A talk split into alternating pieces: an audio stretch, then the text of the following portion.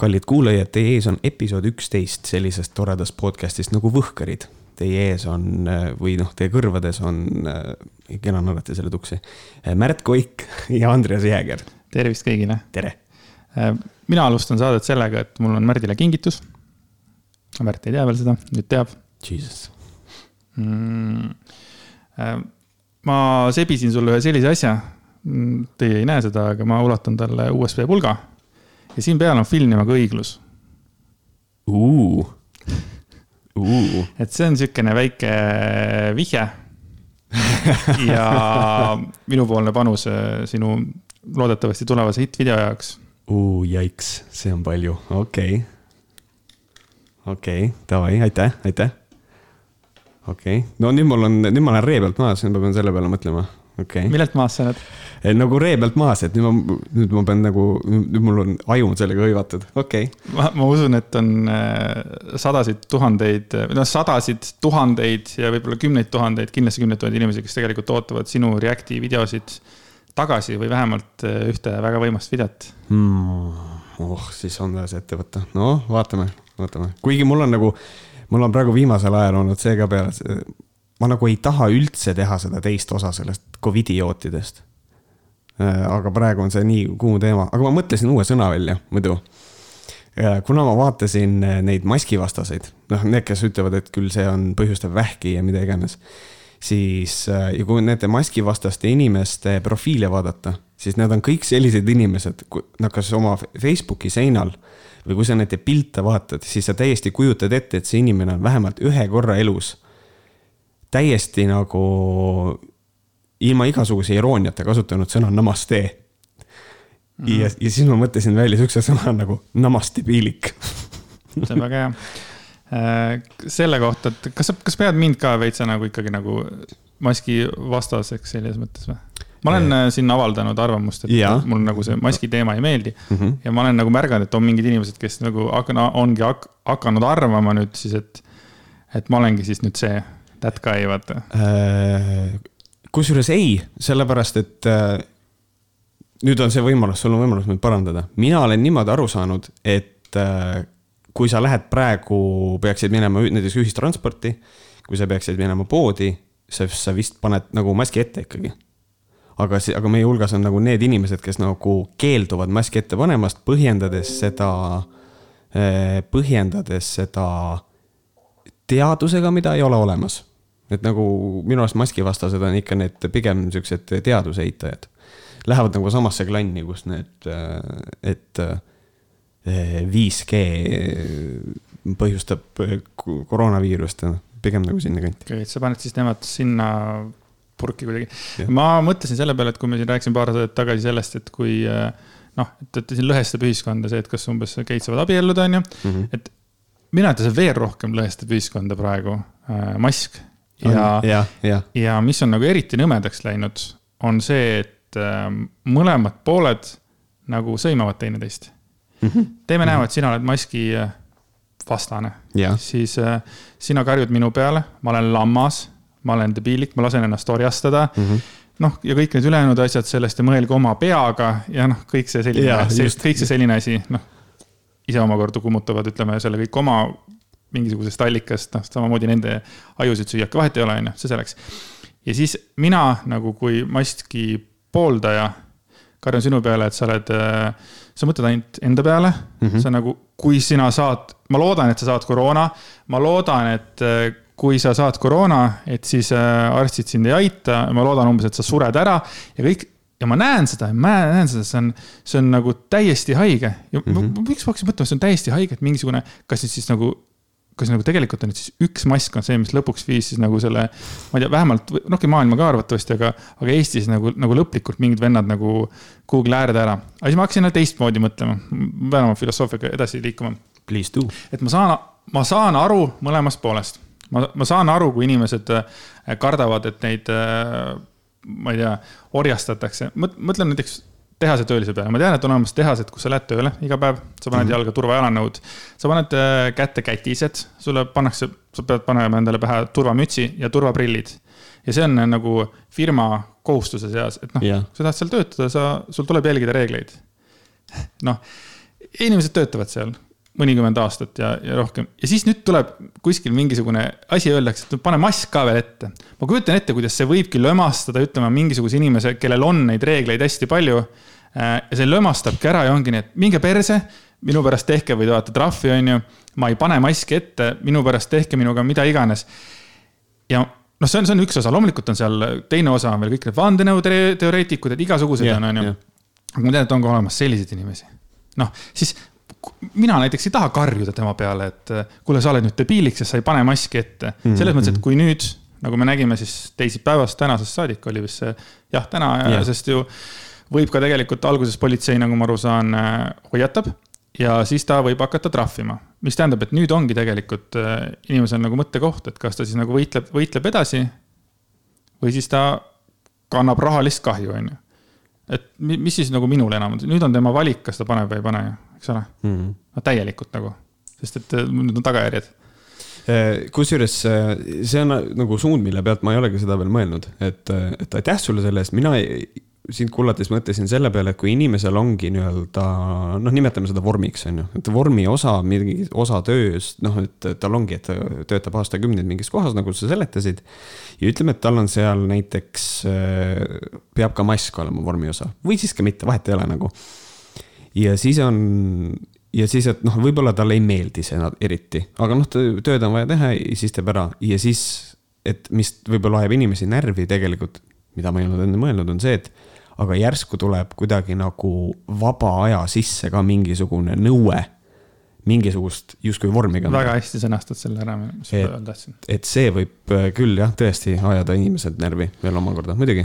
aga sellega, mis sa ütlesid, et, et mina kannan, jah, ma ütlesin eelmine kord ka, et äh, kui on reeglid, siis ma täidan neid mm. -hmm. kahjuks jäime natukene selle maski tellimisega hiljaks, et me oleme kahest kohast tellinud, me oleme kahest kohast maskid on tulemas mm. -hmm. selles mõttes ja, üks vist nüüd jõuab siis lõpuks homme, et et hetkel ma olen kasutanud poes käies neid äh, vastikuid, neid arsti omasid, et yeah, äh, mis need yeah. on, et jah, siiski tunnistan, et mul on ikka väga halb hingata, aga noh, see selleks on minu astma mm -hmm. teema, et et see selleks, aga mis mind veel pani ümber mõtlema, tegelikult, mis naljakas oli see, et see oli Peeter Oja postitus.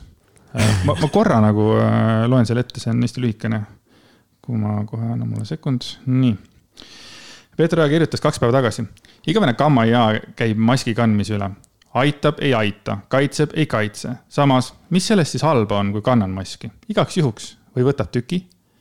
ja kuidagi noh, ma ütlen, et äh, see, see oli jälle üks selline nagu, mis nagu, et true, et noh, mille mhm. vastu, mille vastu võitlen, see ei võta mult tegelikkuses mitte, noh, tegelikkuses mitte midagi. mingi see väikene osa aega, eks ole, seda maski kanda. ja tegelikult küll jah, pluss tegelikult seda enam noh, ma saan aru, kui on mingisugused meditsiinilised vastunäidustused, ma küll ei tea täpselt, millised need on.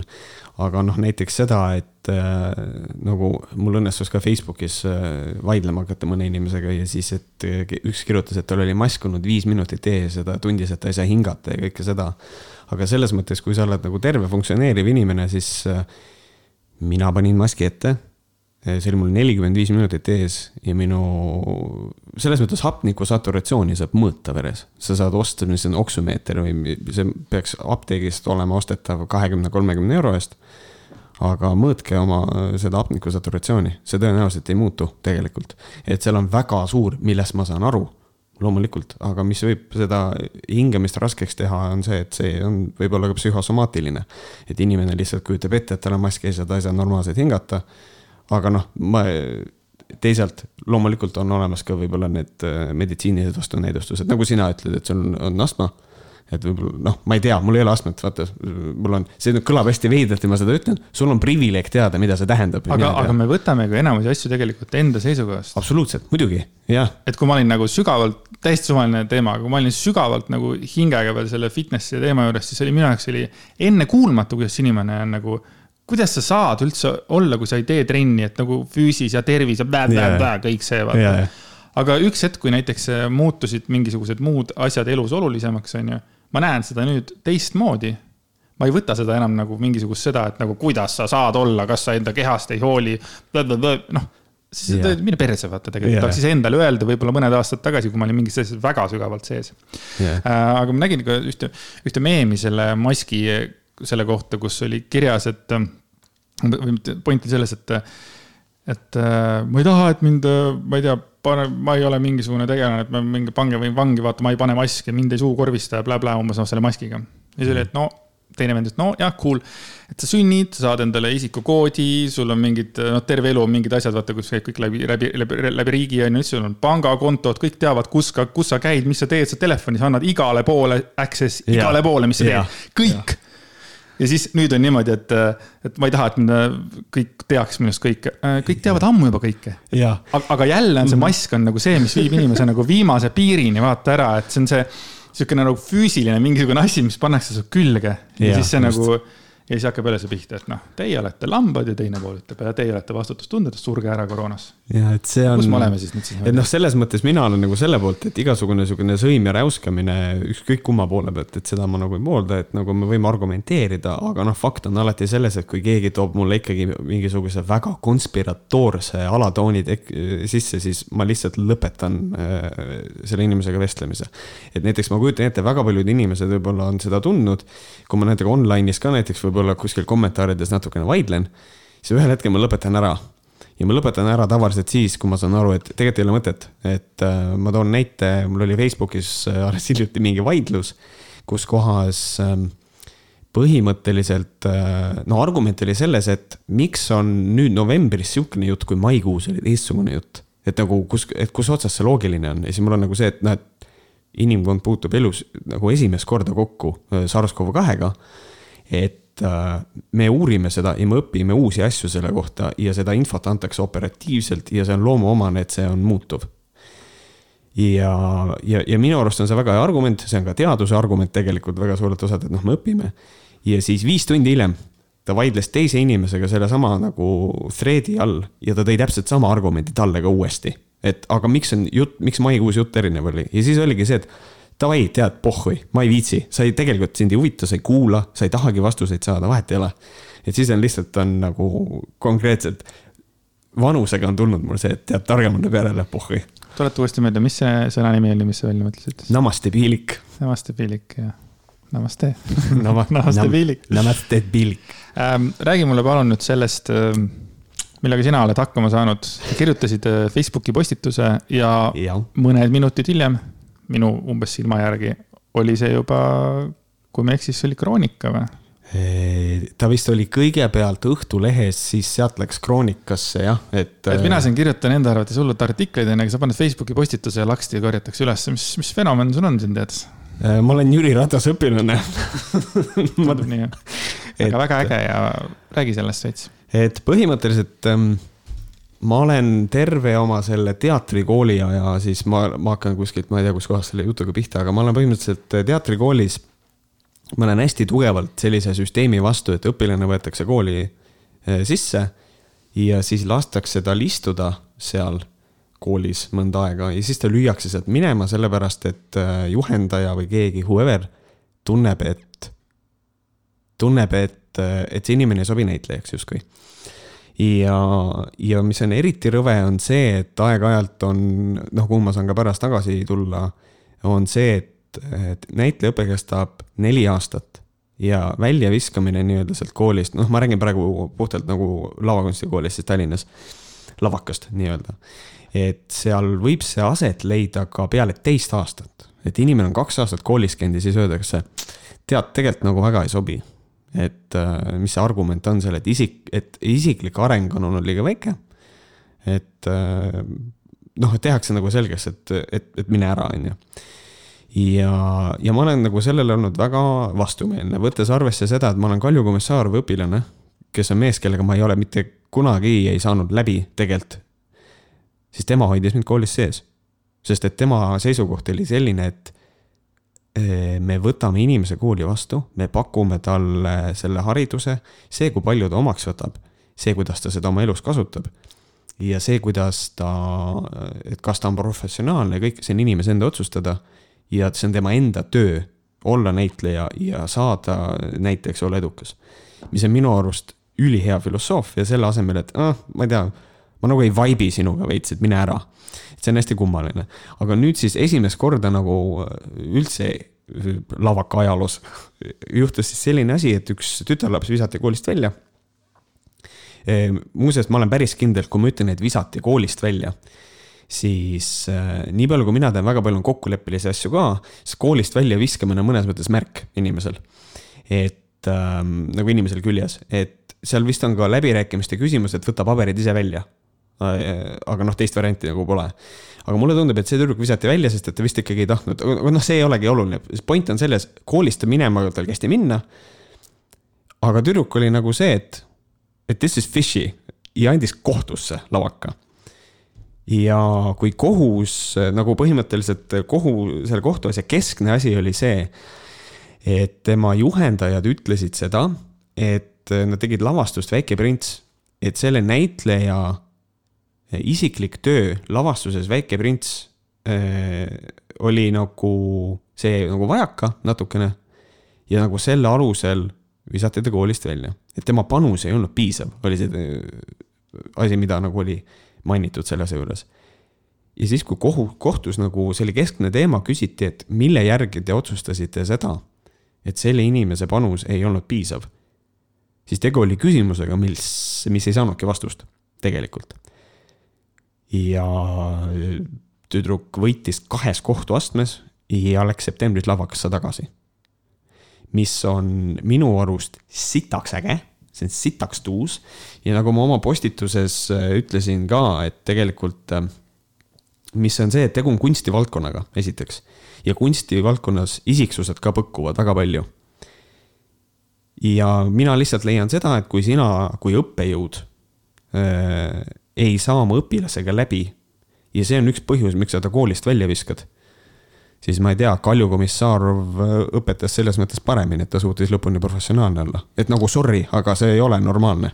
Äh, nagu ma aru saan, siis äh, seal, mis see oli, see artikli peal olid Elmo Nüganemine, Nüganeni ja Anu Lamp.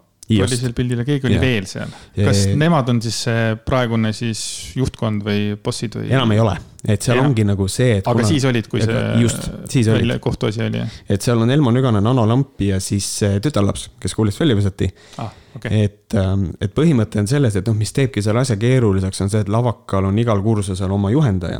ja Elmo Nüganeni kursus oli see nüüd põhimõtteliselt, nagu ma aru saan et nüüd, kui see tüdruk läks uuesti kooli tagasi, siis tal on nüüd uus juhendaja mm et, et nagu selles mõttes. ma mõtlesingi, et see oleks nagu eriti nagu, et davai, ma võitsin nagu kohtus, on ju, mis mm -hmm. ei ole muidugi meeldiv, aga ma lähen tagasi pea püsti ja läheme sama mm -hmm.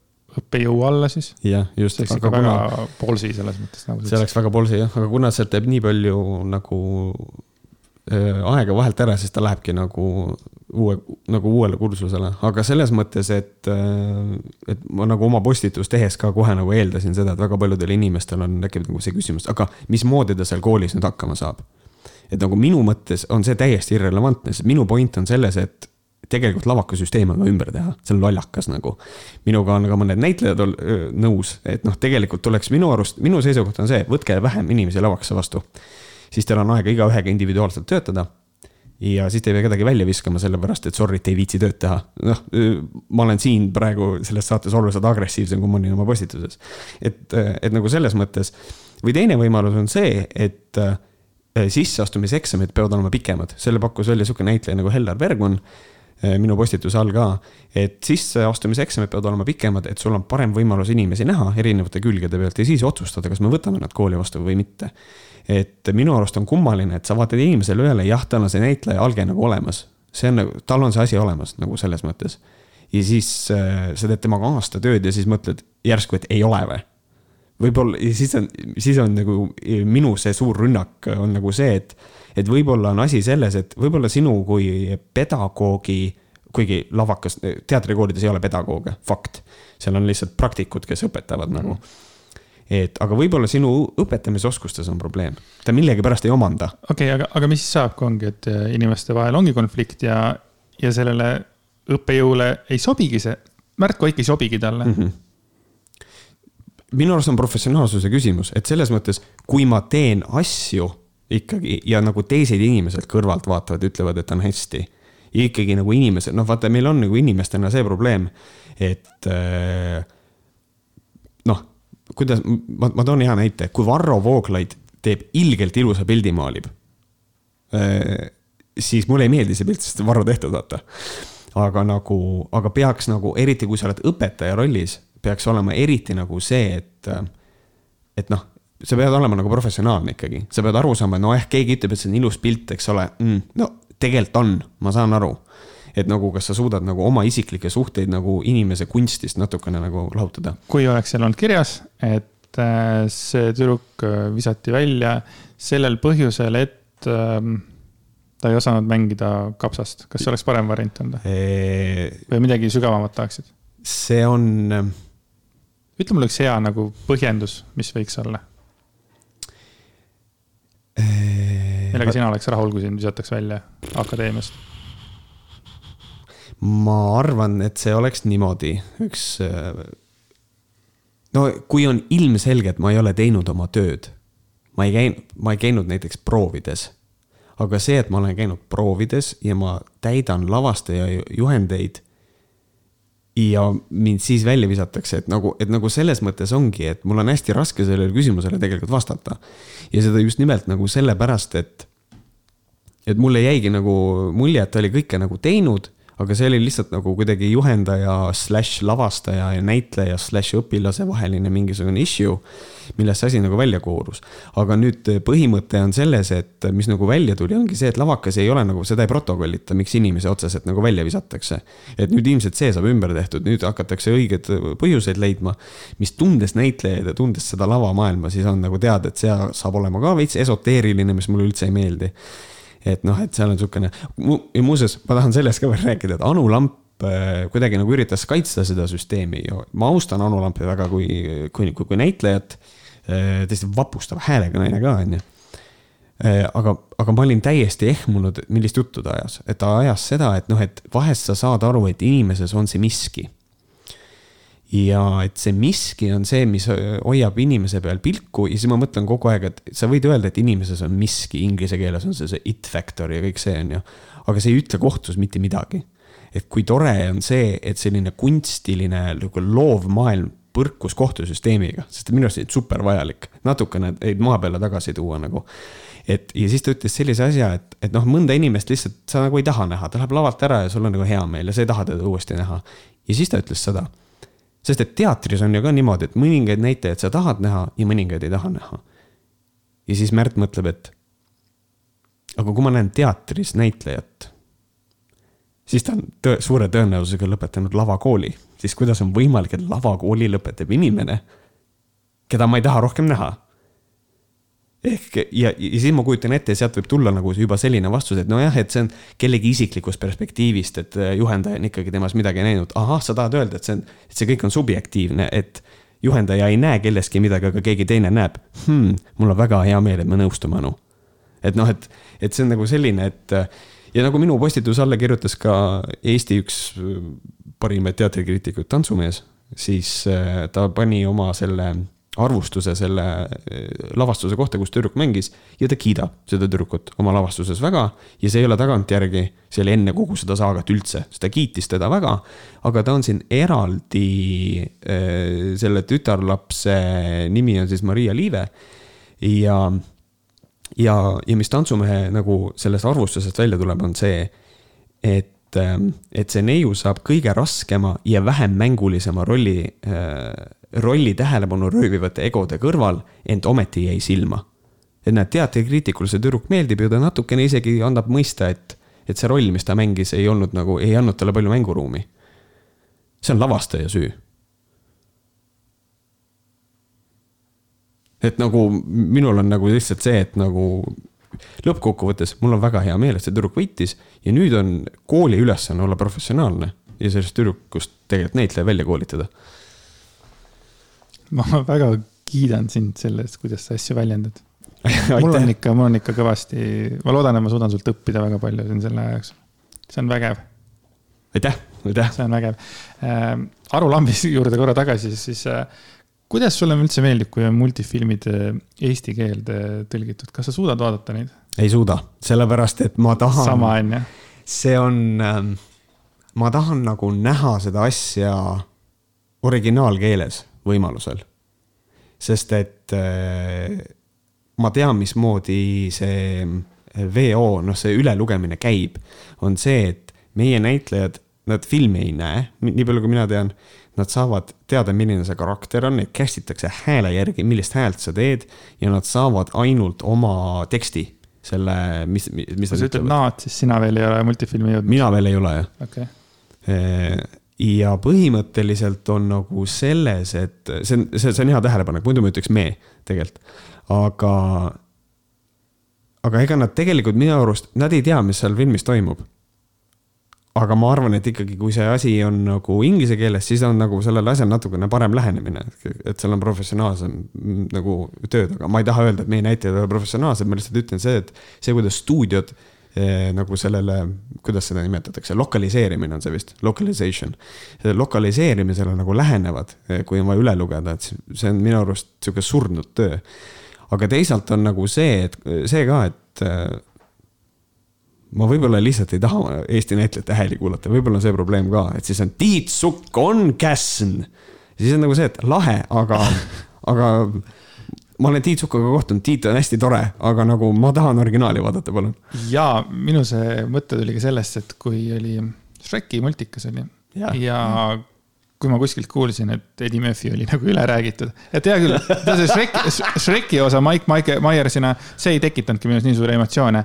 aga Antonio Banderas Puss in Bootsina ja just nimelt Eddie Murphy nagu tonkina, see on nagu see on nagu nii imeline mm, -hmm. see, need emotsioonid, need häälega mängimised, see on, ta ongi donki, see hääl, see ongi nii, ja siis ongi Tiit Sukk, ma ei tea, oh juuda, juudamas. ja yeah. siis mingid, see on nagu ka minu jaoks on nagu hästi raske vaadata, ma ei ole kunagi suutnud vaadata eestikeelset, äh, eestikeelse tõlkega multifilme. Till now, et yeah. nüüd on siis see periood minu elus, kus mingi aja pärast äh, minu armas väike tütrekene hakkab suure tõenäosusega ka ikkagi multifilme vaatama yeah. ja ma hakkan neid talle näitama kindlasti eesti keeles. ja noh, siis mul tuleb ümber harjuda, et aga jah yeah., ma ei tea. noh, vaata, sest minu argument ongi nagu see, et kui sul on Antonio Banderas mm. mängib äh, saabastega kassi, siis ükskõik äh,, sa ei leia Eestist Antonio Banderast tegelikult, sa ei leia teda mm see hääl, see, kuidas ta räägib, see karakter, sa ei, ei leia seda ja see ei ole nagu, see ei ole nagu Eesti näitleja viga. absoluutselt, come on. nagu see ongi see nagu, see on originaalne casting. maailmas on, on üks Antonio Banderas. kes otsiti välja selle, selle jaoks, et seda teha. et noh, see on, et, et selles mõttes mulle, mulle ka ei meeldi jah, nagu väga sihuke. oota, mis asi see veel oli? Aa, näiteks veel minu jaoks tekitab küsimusi, kuigi ma usun, et kindlasti Eesti need äh, tegelased on palju tööd selle nimel näinud, aga näiteks Carsis äh, mängis peaosa mingit Pikne McQueen on ju, mängis Koit Toome. mul, mul kohe tekkis küsimus, miks Koit Toome? Koit Toome ei ole õppinud näitleja, tol hetkel ta ei olnud ka veel näosaates teinud ega midagi. see on minu jaoks hästi veider, et, et kas siis mingitel hetkedel ka cast itakse äh, hääli andma lihtsalt hetkel väga tuntud inimesed võimalik, võimalik. siis ma mõtlen, kas Karsis lauldi ka või? sest et siis see nagu make'iks nagu sense'i. ei tule meelde küll ausalt öelda. aga me ei ole. Õlikuningas lauldi ja Pocahontases, aga. jah, Karsis vist ei olnud. ma olen auto olen noor. karbuss karbuss, buss, buss. et, äh, et see on huvitav, ma ei tea, ma ei tea seda. kindlasti, come on, tegelikult ma arvan, et ikka seal on see ka taga et mul endal ka üks, äh, üks tuttav, mul ei tule ta nimi praegu meelde, jumala piinlik, aga ka nagu sattus nagu sellesse limelighti, sai natukene nagu kuulsaks ja siis ta luges kohe mingile mutikale peale ka. tegelikult, eks seal on seda ka taga ikka mm. -hmm üks küsimus mul jäi küsimata eelmine saade muide, kui sa küsisid minu käest, et äh, Andreas, meil on täna juubel, ehk siis eelmine saade oli kümme saadet, et mis tunne sul on, kas me oleme jõudnud või mis toimub, vaata mm. -hmm. küsin täna sinu käest Märt, ma jõuan vastu küsida. mida sina ootasid äh, Võhkarite saatest ja kas äh, on see täitnud sinu lootusi ja mida saaks paremini? ma hea meelega kuulaks ka kriitikat. Äh, paremini saakski teha, ma arvan, selles mõttes ei, sel ähm,, ma nagu mõnes mõttes, kui ma alustasin, siis äh, mul oli mingis mõttes, ma arvasin, et me oleme, kuidas ma ütlen natuke vähem poliitilised. aga see oli mulle esimese saate lõpuks selge, et see on võimatu. sellepärast, et mina olen saates et nagu selles mõttes, kui mina olen saates, siis nagu sotsiaal, sotsiaalpoliitilised asjad on kohe sees. aga üldiselt ei, ma olen väga rahul, et, äh, et siin kui, et kui sa, kui sa kriitikat ootad, siis ma ei oska kriitikat absoluutselt anda. sa arvad, kas ma eelmine saade pingutasin üle või? ei. Kas ma ropendasin liiga palju või kas midagi sellist? kas, kas sa oled mingi kirja saanud või? jaa, ei aa jaa, kommentaarides oli väike ja see, ma ei tea, võib-olla sa muutusid emotsionaalseks. see on okei okay., ikka juhtub Cool äh,, lähme filmide juurest äh,, multikate juurest filmide juurde ja kunagi me rääkisime Borat kahest või õigemini sina küsisid minu käest, et kas sa oled juba ära näinud selle. nii, kas sina olid selle juba ära näinud? mina ei ole seda ära näinud, see on mul siiamaani äh, ootab, et ma seda vaataks, et ma leian oma naisega selle hetke, kus seda vaadata. ai kurja. ja, sest ma ei ole näinud seda ise. ma olin täiesti kindel, et sa oled selle ära näinud ja ma mõtlesin, et me saame rääkida Borat kahest. ja ma, ma, ma nägin seda dokumendis ja mõtlesin, et huvitav, et ma ei ole seda näinud küll, et, äh, et kas sa tahad selle edasi lükata või sa tahad rääkida midagi lükkame edasi, igal juhul on äh, toredam koos siis äh, kas olla nõus või, või leida mingeid erinevaid aspekte või see on ja, nagu tavai. palju ägedam. lükkame selle edasi siis. kuule, aga võtame siis tänase esimese võtame tänase esimese teema siis kolmekümnendal minutil. uhuhuu, ähm, meil juhtus vahepeal selline asi, et Eestil, Eestil tegelikult vähemalt minu silmis, minu abikaasa silmis, kes, kes on õpetaja. Eestil oli praegusel hetkel oli väga hea haridusminister, Mailis Reps kes siis Õhtuleht ühel hetkel avastas äh, seda, et äh, tegid äh, sihukest USA jälitamise asja, natuke jälgisid. et tuleb välja, et Mailis Reps on oma ametiautoga no esmane info, mis, mis nagu oli, et Mailis Reps on ametiautoga lapsi vedanud. ja siis tuli välja, et selle autoga on käidud reisil Horvaatias ja siis pärast äh, see asi täpsustus, tuli välja, et mitte Mailis Reps ei ole ametiautoga vedanud, aga Mailis Repsi autojuht on vedanud ta lapsi. Äh, ja siis põhimõtteliselt sellest läks igasugu nagu ilge kuradi aplaava läks lahti sellest. ja siin äh, noh, EKRE ei üllata kunagi sellega, et, mm, et noh, me ei saaks me ei saaks umbusaldushääletusel küll nagu tema poolt hääletada, nagu me ei, me ei saaks teda toetada ja siis ta, Mailis Reps ütles, et, mis on nagu Eesti poliitikas on nii armas, ütles, et noh, et. et tema ei tunne, et ta peaks tagasi astuma ja siis järgmine päev astus põhimõtteliselt tagasi. et, et ühesõnaga nüüd tuleb meil siis uh, uus haridusminister, kelleks on praeguse seisuga Jaak Aab uh,. kes riigihalduse ministri toolist läheb lihtsalt teise, teise tooli, meil tuleb uus riigihalduse minister uh, ja ühesõnaga vaatame siis, kuidas läheb, et aga põhimõte on siis nagu selles, et Mailis Repsi see saaga, sealt koorus välja huvitav asi. et, et äh, noh, ma lihtsalt mainin korra nime, Raivo Aeg. ja siis on kuidagi nagu, nii kui kuskil poliitikas mingi perse on, siis Raivo Aeg on kohal ja korraldab mingit sitta. ja see on nii tore ja kui Raivo Aeg äh, korraldab sitta, siis kuskilt imepisikese kuskilt nurga tagant paneb Helir-Valdor natukene pea välja kohe. ja ütleb ka midagi, mis on siukene, et palun mine puuri tagasi. et ähm, ühesõnaga. Ähm, mis sellest asjast nagu välja koorus, oli see, et äh, Õhtulehe siis selles kajastuses olid pildi peal Mailis Repsi lapsed. ja ma nüüd ise ei tea, äh, kui ma analüüsisin seda asja natukene äh, täna hommikul, siis ma ei tea, kas seda on teadlikult või mitteteadlikult, ma olen dokumenti kirjutanud lihtsalt, et kuulajad teaksid, kui loll on Märt hommikul kell kaheksa. ei tea, kas teadlikult või tahtlikult olen kirjutanud, et kas teadlikult või mitteteadlikult, aga narratiiviga on väga tugevalt mängitud, ehk siis ma arvan seda, et see oli Keskerakonna PR tiim, kes otsustas seda asja teha, sest ma ei usu seda elu sees mitte ükski poliitik ei kirjuta ise Facebooki postitust ja ei postita seda. välja arvatud siis, kui sa oled EKRE-s, ma arvan. aga ma arvan, et Keskerakonnas on nagu mingid eh, PR inimesed, kes loevad iga postituse üle. ja nad flippisid jõle, jõle pullilt ära, et ühesõnaga Õhtuleht paljastas seda, et käitumine on noh, põhimõtteliselt kui mitte korruptiivne, siis ebaeetiline. ja ja põhimõtteliselt siis Mailis Reps seitsmeteistkümnendal novembril kell üheksateist kolmkümmend kaheksa, pool tundi enne Jüri Ratast postitas, eh, tegi postituse, kus siis on öeldud sihukest asja eh, väike snippet sellest. Eh, eile võtsid minuga ühendust Õhtulehe ajakirjanikud, kes soovisid intervjuud. selle käigus näitasid nad mulle pikka videot, kus oli salaja filmitud minu lapsi mitme nädala jooksul. Ja siis äh, üks lause veel, head ajakirjanikud, mul on teile siiras palve, palun ärge kasutage minu alaealisi lapsi ajakirjanduslikel eesmärkidel, vaid pöörduge otse minu poole. isiklikud rünnakud haavavad mu lapsi ning lõhuvad nende turvatunnet.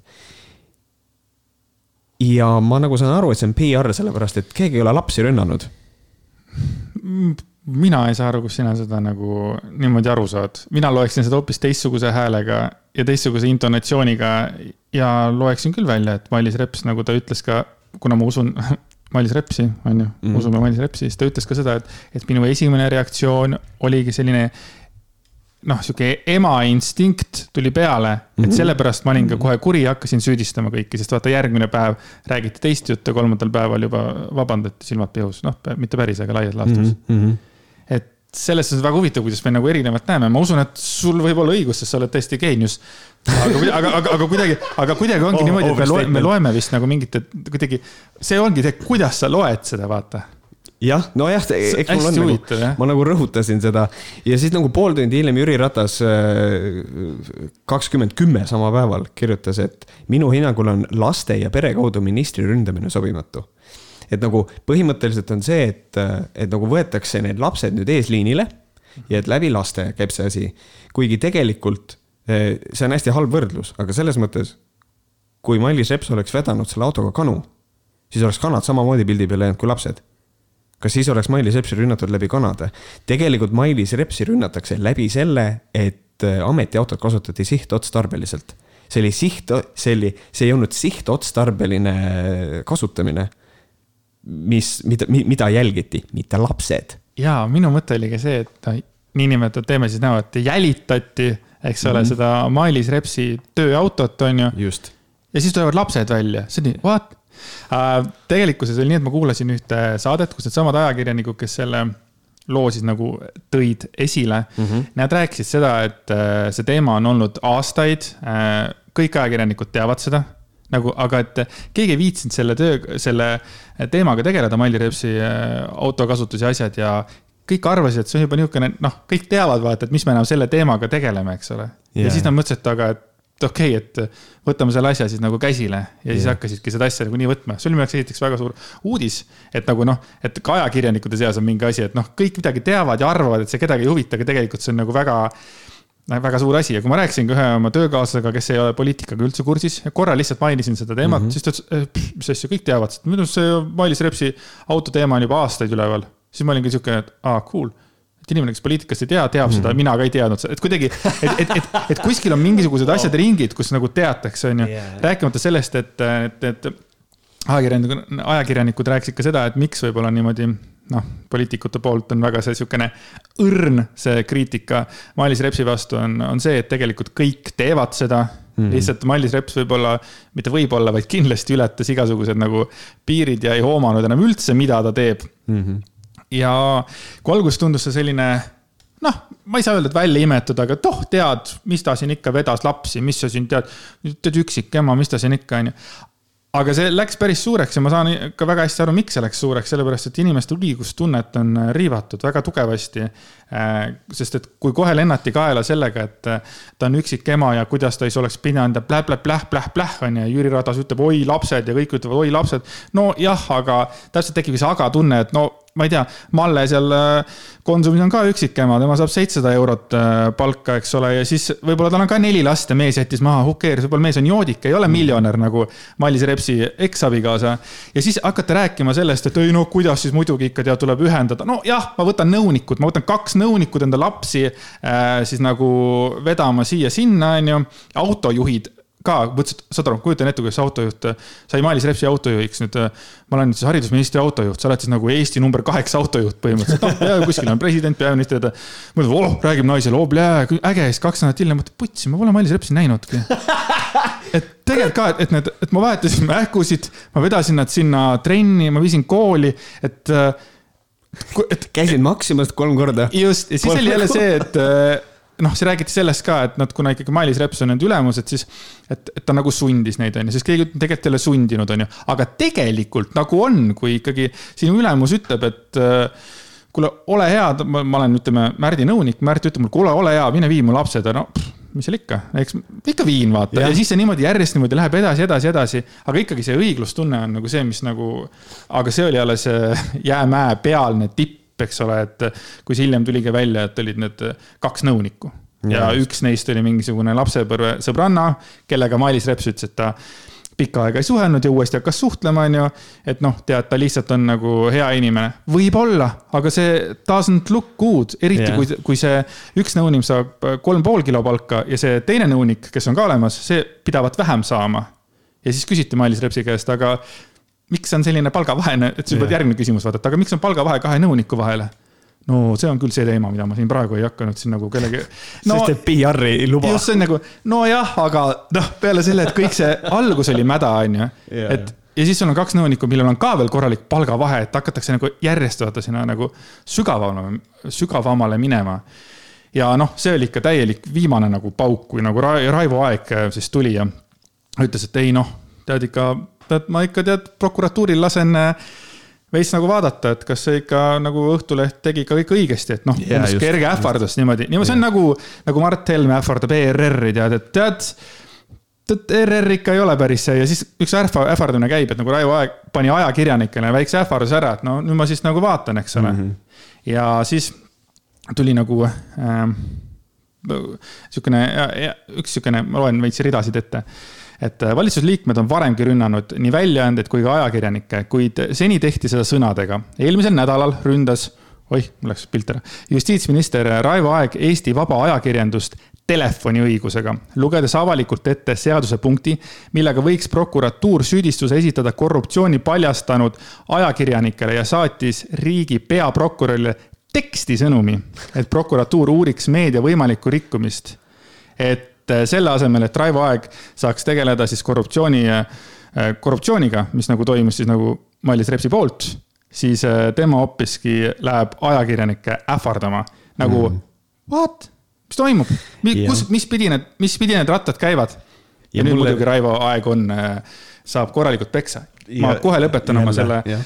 monoloogi ära ja mulle üks meeldis üks väga, mulle üks meeldis üks saade, mida ma kuulasin, need ei ole minu sõnad, seal oli siis niimoodi, et et ähm, üks saatejuht küsis teise saatejuhi käest, aga, et aga kus oli Raivo Aja nõu, Aegi äh, nõunik, kelleks peaks olema Kalle Muuli, eks ole.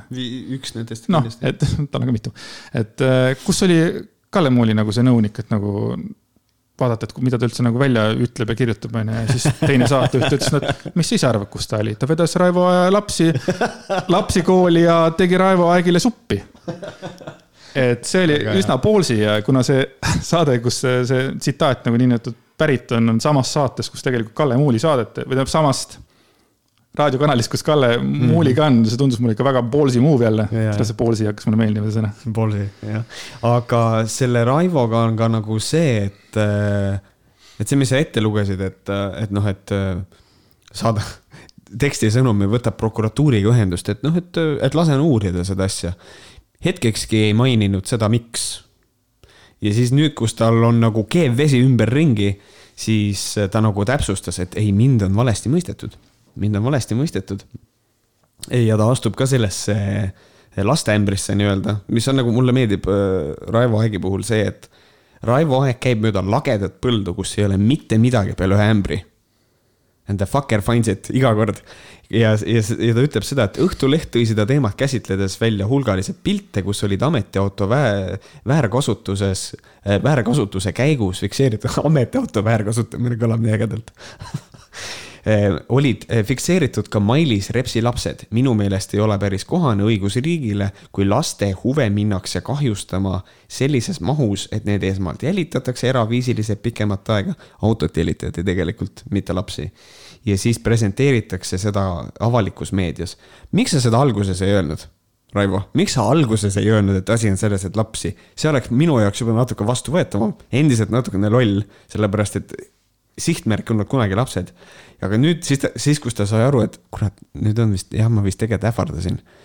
uhuhuu, noh, Jüri natukene ilmselt aitab, tuleb mulle toeks, et ma, ah, ma tean, ma võtan selle sama, selle laste narratiivi, ma nagu käin nagu sellega ja nüüd ongi Jüri Ratas siis, Jüri Ratase käik mulle ka ei meeldinud, Jüri Ratas oli see, et mina olen seisnud vaba ajakirjanduse eest, minu arust aeg ei ole mitte midagi ähvardanud. et äh, ma tuletan teile meelde, kui ERR-i eh, siin hakati nagu pitsitama EKRE poolt, siis mina astusin ka vaba ajakirjanduse kaitseks välja, siis on nagu see, et miks sa nüüd ERR-ist räägid? Et sa nagu, sa nagu kogud punkte praegu, et noh, ERR-i puhul ma ju aitasin, siis kuidas te, te saate öelda, et no jaa, aga see on nagu separate case mm, -hmm. sina ei olegi nagu meid, aeg on see, kes ähvardas nagu. Jüri ma tahan torti praegu, Jüri.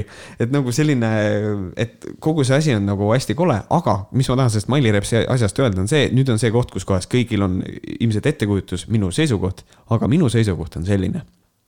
minu arust võiks riik, teeme selle normi, et avalikus sektoris töötajad, sest erasektori üle ei ole mitte kellelgi võimu Eestis, aga avalikus sektoris, kui sul on ametiauto Eh, muudame selle, selle normiks, et ähm, seda võib kasutada selleks, et lapsi viia kooli hommikul ja nendele pärast tööd ka järgi minna.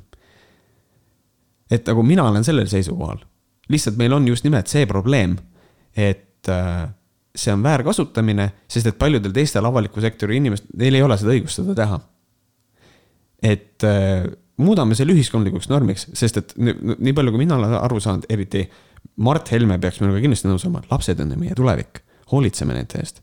Oled avalikus sektoris, saad ametiautot kasutada selleks, et, et lapsed koolist ära tuua, et see oleks kuidagi nagu okei okay., okei okay,, nõunikut võib-olla ei, ei saada nagu eraldi, kuule, või mitte nõunik, vaid autojuht. et autojuhti vast ei saada, et noh, et mine too mu lapsed ära, eks ole, see oleks nõme, Horvaatiasse ka selle bussiga ei, ei maksaks ronida, nagu Reps tegi, eks aga nagu selles mõttes, et seda asja võiks natuke leebemaks selle koha pealt küll teha. muidugi nüüd äh, Andres ilmselt küsib, aga kus me selle piiri tõmbame, et kas ma viin laps, kas ma võin igal ajal selle autoga siis käia või. et nagu selles mõttes, äh, eks seal on ka neid halli, hallalasid, aga nagu kuidagi võiks sellest meie riik üldiselt ja meie seadusandlus õppida sellest, et see asi kuidagi nagu muuta, kas jälgitavamaks või kuidagi leebemaks või karmimaks. võib-olla selles mõttes see skandaal läks nagu hästi, et nüüd on nagu jälle dialoog avatud võib-olla paljulapseliste perekondade või üksikemade teemadel äkki on võimalus nagu leida mingisugused lahendused. aga jah, ma ei tahaks olla sinuga jällegi nõus, arvestades sellega, et eh, noh, oleme nüüd siis nagu nõmikud, on ju, aga vaatame teise inimese rahakotti ja küsime, et aga miks et kui sa saad kuus tuhat euri palka, sul on veel kuluhüvitised ka, on ju, ja sa ei saa enda elu selles mõttes siis nagu Äh, ma ei tea, ära majandada, siis tõesti, et noh, tõesti pane kasvõi igale oma lapsele lapsehoidja, kui tegelikult arvatavasti on vaja ühte või kahte lapsehoidjat, et. et see ei ole ka minu arvates nagu päris aus jällegi nagu, kuigi samas jah, riigikogu äh, liikmete õigused ja igasugused muud asjad ei olegi ausad tõesti ju. tegelikult ja paneme ma..., teeme kõik vabaks siis, laseme käia. et noh, selles mõttes jah, eks, eks ma olen sinuga selles mõttes ka natukene nõus. et noh, eks siin ka nagu see argument. I fight for the little people, you know sa oled see rahvamees. ei, ma ei ole, lihtsalt no, kuidagi on veider see asi. jah, et noh, mõnes mõttes on nagu see, et see argument, et noh, et, et ministri töö võib olla väga pikk minna, minna pikale, et ma pean olema istungil et noh, siin on nagu teada seda, et alles üks, ehm, kas naistevastase vägivalla hääletusel jätsid hääletamata Jevgeni Ossinovski ja Riina Sikkut. ja see tekitas feministlikus foorumis küsimuse, et miks ja sealt joonistus välja selline asi, et Riina Sikkut käis last toitmas kodus, vist. ja Jevgeni Ossinovski vist luges mingit raportit kuskil ja lihtsalt jäi nagu hiljaks et mõnes mõttes selline aja kasutamine, noh, selles mõttes autojuht ei saa su last toita, see, see, see on nagu ka, aga et mingis mõttes, et, et et inimene ei läheks Riigikogu saalist ära sellepärast, et, et ah, fuck, mul ei saa laps koju kuidagi, on ju. et mõnes mõttes leida see lahendus, et siis nagu, et ta saaks riigielu juhtida. ja sa ikkagi tahad öelda, et siis Riigikogu liikmetel on ikkagi teised veits seadused noh, tegelikult ju ei ole türa, noh, ei ole, noh, ma nagu ei, ma nagu olen, ma olen hetkel täiesti kahel positsioonil, sest et. Äh, ei no inimlikult. inimlikust, täielikult ma olen sinu poolt, inimlikult absoluutselt. aga, aga, aga nüüd ehitada Mailis Repsis tegelikult nüüd ka mingisugune selline nagu suur ohver, kuidas ta on kuue lapse ema ja üksikema ja minge perse, tegelikult ka. ma kujutan ette, et Mailis Repsi, ma räägin, jah, whatever, tegelikult fuck that, selles mõttes, ma, ma ei oskagi enam nagu jah, igatahes ei ole õige kasutada selles mõttes maksumaksjate raha nagu valedel eesmärkidel, et kui mm -hmm. seal mhm. kuskil mingid seadused kunagi tulevad, siis äh, loodetavasti on need nagu mõist-, mõistlikud nagu veits nagu mõlemale poolele, et ei, ei oleks ka tavainimese õiglustunne nagu niimoodi, ma ei tea jah, ja siin äh, tegelikult, mida ütles äh, Eesti Rahvusringhäälingu ajakirjanduseetika nõunik Tarmu Tammerk, ütles seda, et tema hinnangul oleks saanud seda teemat tegelikult käsitleda nii ka, et lastest ei oleks avaldatud äratuntava keskkonnaga fotosid ja, ja videosid. et nagu selles mõttes Tarmo Tammerk ikkagi leiab seda, et see laste presenteerimine seal oli natukene liig mis on nagu, ma võin sellega mõnes mõttes nõustuda, aga nagu mul on ka nagu see seisukoht, et, et noh, et, et kaitsta siis lapsi, okei okay.. aga fakt on selles, et kui sinu ema lüüakse põhimõtteliselt ministri kohalt tagasi, sest et ta on nagu ma arvan, et koolis ikka inimesed teavad, et need ja, on repsi lapsed. absoluutselt nagu. ja, ja nii, nii või naa tegelikult ju noh, võib-olla halvaks panu tulebki võib-olla seal kuskil oma klassikaaslased ja midagi sealkandist, aga tõesti seal kõik teavad, see ei ole nüüd niimoodi. ei räägita kuidagi laste, laste identiteet blah,, blah-blah-blah. ma ei tea, ma küll ei mäleta mitte midagi sellest pildist, et, et ähm, no see ei ole küll hea näide, aga et noh, see, kes teab, see teab. Yeah.. ja kui kõik, kogu riik räägib, Mailis Reps vedas oma lapsi, on ju, see laps ei ole kaitstud selles mõttes.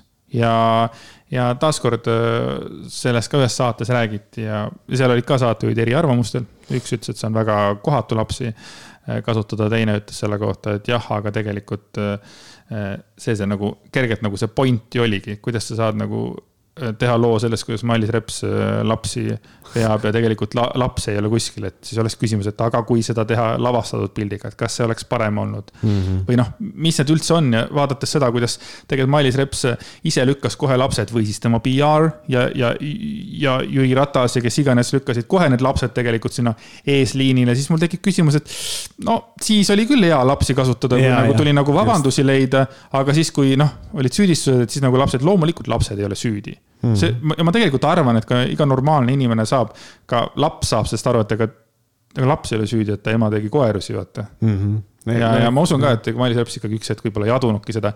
kuigi jälle teistpidi mõte, et et ega ju minister ei ole ju rumal inimene. et kui, kui, meil on Gert Kingo olnud minister, Andreas. no ma räägin Mailis Repsist tegelikult. okei okay,, no Reps, jaa, Reps kindlasti mitte. ükskõik, mis ta on, siis ta alati on jätnud äh, ikkagi äh,, Mailis Reps on jätnud ikkagi nagu noh, ma ei saa ka öelda, et nagu sooja inimese tunde, aga nagu ikkagi nagu, ta on ikkagi nagu sihuke positiivne võrreldes ja. nagu kõikide teiste ministritega, kes on äh, sunnitud olnud lahkuma äh, mis mulle muidugi tegi nalja, see, et kui see artikkel ilmus, siis äh, seal lõpus oli kirjas sihuke asi. et üks nagu näide, mis kunagi vanasti juhtus, kahe tuhande üheksandal aastal viisid toonane siseminister Jüri Pihl ja toonane põllumajandusminister Helir-Valdor Seeder oma lapsi äsja soetatud uhi uue päästekopteri patrulllennule.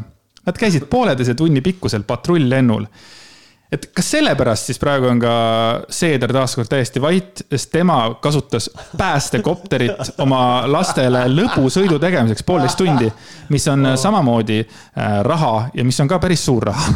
ei noh, aga vaata, ma saan sellest aru, äh, et, et seal on, seal on kirjas ka, see oli patrull, ta läks patrulliga kaasa, vaata, aga, aga see on täpselt samamoodi kui näitleja. Äh, ma toon lihtsalt ühe suvalise näite kui näitleja läheb näiteks riigiasutusse ja teeb seal stand-up comedy't. ja siis talle palutakse arve peale panna, et, et see oli meeskonnatöö koolitus. et paberimajanduses oleks kõik korras, et meil ei olnud siin mingi meelelahutus. This shit happens a lot okay.. et nagu, et nagu. praegu veits kadusin ära, et mõtlesin, et huvitav, kas mul tuleks teada mingist sellisest situatsioonist? ei, ei, ei okei, äh, okei. aga, aga nagu põhimõtteliselt, et, et eks see, kas see tegelikult patrull oli, aga see on nagu tore, et ma kujutan ette, Helir vaatab seda uudist Mailis ja siis mõtleb, fuck, fuck, me peame kõik tagasi ostma. sa ütlesid ennem, et äh, Seeder midagi igises kuskil nurga taga, kas sul on mingisugust äh,? ah jaa, Seeder, Seeder lihtsalt ütleb seda, et see Raivo Aegi kallal võtmine ja et see ei ole õigusriigina kohane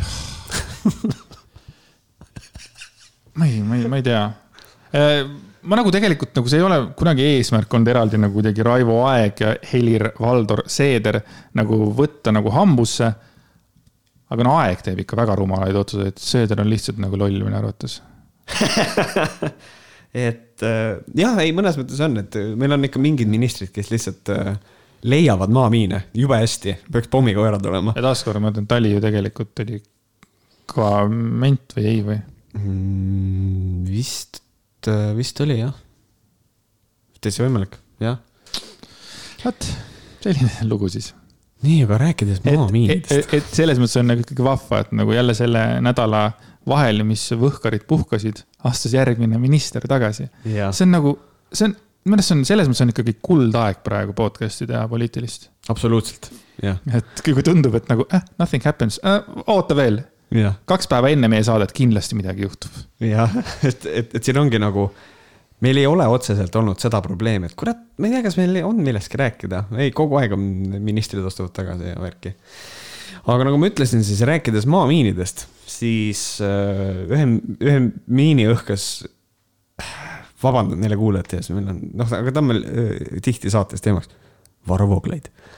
Et äh, tegi, tegi siis postituse seoses selle abielureferendumi raames, et kuna mõned inimesed räägivad väga palju sellest, et see referendumi korraldamine on raha raiskamine, siis Varro Vooglaid võttis sellel teemal sõna. ma võtan ka korra sõna.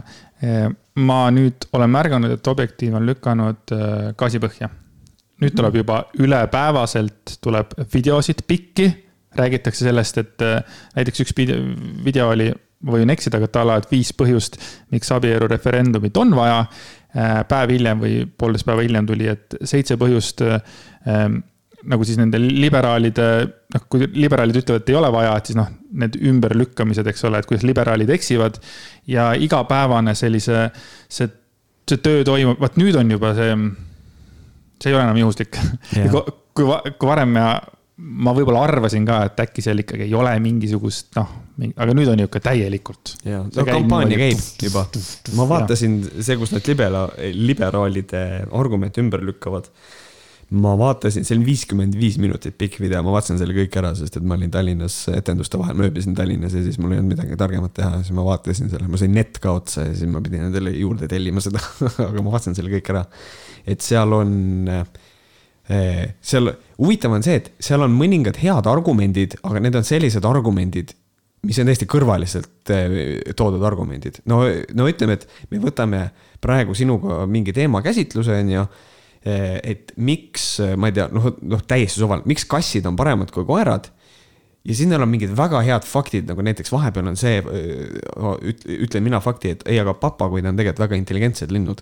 et nagu sellises mastaabis oli seal, leidus mõni väga hea argument või mingi väga hea fakt või mingi selline asi, aga üldiselt oli seda huvitav kuulata, et, et noh, mis nende seisukohad on ja kõik on puht ideoloogilised sellised äh, kitsaskohad ümber kergesti ümberlükatavad argumendid, aga need on konservatiivide tüüpargumendid. mis on need, noh, eriti, eriti siis objektiivi puhul absoluutsed tõed äh, nagu näiteks inimloomus. see on vastik. tähendab, see üleüldse on see vastik, kuidas need tõed, seal kõik on tõena, seda ma ütlesin kunagi varem, et lihtsalt seal öeldaksegi, et, et, et me tahame, et ikka hääletaksite õige valiku poolt just, jah. see on õige valik. noh, ma ei tea, kas liberaalid on öelnud kuskil, et eh, mis on õige, mis on vale, aga noh, see selleks. kas me võtame selle postituse ette ka täismahus? kui sa soovid, kuidas sa tahad teha, kas sa tahad, ma loen sulle lõikhaaval seda või? Eh, ei, ma tahan ise lugeda ja ma tahan, et sina lõikhaaval kommenteeriksid, sest et äh, sa oled siin ilusasti jätnud märgid maha ja ma kuulaks sind suure huviga. nii liberaalid süüdistavad valitsust referendumi korraldamiseks mõttetult suure summa raha kulutamises, jättes samas tähelepanuta, et üldiste riiklike kulutuste kontekstis käib jutt sugugi mitte suurest summast. selle asja maksumus, referendumi maksumus vist oli siis üks koma kaheksa miljonit vist, selle referendumi korraldamine Varro ütleb, et üks koma kaheksa miljonit ei ole riigi rahakoti jaoks eh, selles laias perspektiivis suur summa. mõned saated tagasi me rääkisime sellest, mismoodi Varro Vooglaid kurtis, et riigi rahast on läinud viiskümmend tuhat, viiskümmend tuhat selle peale, et eh, Tervise Arengu Instituut tegi kampaania Kumm on seks. saade number kaks, eh, Markus ja Varro Kummita, minu üks, kindlasti minu top kolm Võhkarite lemmiksaade veits alahinnatud saade muide kuulamiste järgi et otsige see üles, see on väga hea see on just, väga hea saade. just, ja see on nii veider, sest et seal nagu äh, mina, Märt Koik vähemalt kindlasti ütleb, et, et viiskümmend tuhat on riigi kulutus, seepärast see on täiesti naeruväärne summa. ja siis, aga võib-olla see on see, et Varro on meie saateid, ta kuulab salaja, siis mõtles, kurat, see on hea argument, Raisk ja nüüd võtnud selle. ja nüüd on see ja, et see on, see on su summa in nothing. Viiskümmend oli palju, aga üks koma kaheksa miljonit on, on, on, on väike. Fair point. Referendumi korraldamise kuluna on välja öeldud summa CA üks koma kaheksa miljonit eurot, samas maksab kaks miljonit eurot ühe ainsa Rail Balticu peatuse väljaehitamine. Kusjuures äh, majanduslikult täiesti mõttetu, kogu Rail Balticu projekti Eesti osa äh, kulu saab ulatuma üle kahe miljardi euro piiri, sulgudes, millest Eesti maksumaksjate kanda jäävad, jääva osa kogusuurus ei ole siiani teada, aga kindlasti saab see olema sadades miljonites eurodes. siin kohapeal siis Varro ütleb esiteks minu arust kõige olulisem asi, ta ütleb seda, et Rail Baltic on majanduslikult täiesti mõttetu mul on õudselt hea meel, ma arvan seda, et Varro võiks üldiselt äh, jagada seda ajarändamistehnoloogiat, mis tal on, mis suudab seda Rail Balticu kasu näha nii tugevalt ette, et ta teab, et see on mõttetu. Ähm, see ei võta ära seda fakti, et Rail Baltic on investeeringuna tulevikku vaatav asi ja, ja, ja nagu tore. Äh, küll aga ma võin mõista igasuguseid inimesi, kes räägivad võimalikest keskkonnakahjudest. jah aga seda, et äh, võtta selle asja juures, see on huvitav asi, et Objektiiv ei ole läinud rohelise mõtlemise peale siin, sest nad tavaliselt võtavad kõik siuksed kõige populaarsemad suunad. aga nüüd ta öö, räägib majandusest, mis on veits fuck'i minu jaoks. kristlus ei ole populaarne ju ja ega ma mõtlen selles mõttes, Objektiiv võtab enda alla väga selliseid ähm, populaarseid, aga siukseid controversial teemasid, näiteks võtame siis, eh, nad väga tugevalt, nad eh, presenteerisid oma uues saates välgatused näiteks 5G vastasust. et see on kahtlane. Nad kahtlevad USA valimistes, et noh, nad võtavad kõiksugused eh, vandenõusid enda alla, sest selle pealt saab inimesi endale värvata nagu et aga see, et nad järsku hakkavad majandusest rääkima, see üllatas mind väga, et see on, see on kummaline, aga ta ütleb seda, et, et see üheainsa peatuse väljaehitamine maksab kaks miljonit. Ja ma ütlen ausalt, ma olen Varroga nõus, sada protsenti. Selle referendumi raha võiks pigem panna selle peatuse ehitamise peale, et selles mõttes on palju parem. kuigi tegelikult riigi rahakott niimoodi ei tööta, eks ole, kui on sinna raha ette nähtud, siis sinna see ka peab minema fuck that, aga üldises mõttes ma olen nõus Varroga, absoluutselt. see raha võiks pigem minna peatuse ehitamisele. seda enam, et kui meil tuleb Eestisse, kui selles videos, mis ma vaatasin, siis äh, Varro andis mõista, et neid peatusi tuleb Eestisse uh,, neid võib üle kahekümne tulla, tegelikult neid tuleb üksteist minu arust plaani järgi praegu et äh, see tähendab siis kakskümmend, noh, see on sitaks pappi selles mõttes, küll ja kaks miljonit, mõtle, läheb ühe peatuse peale, see on palju aga nagu inimene, kes nagu natukenegi teab sellest asjast, siis see minu arust ma vaatasin mingeid plaane, seal on asfalteerimist palju, asfalt on räigelt kallis.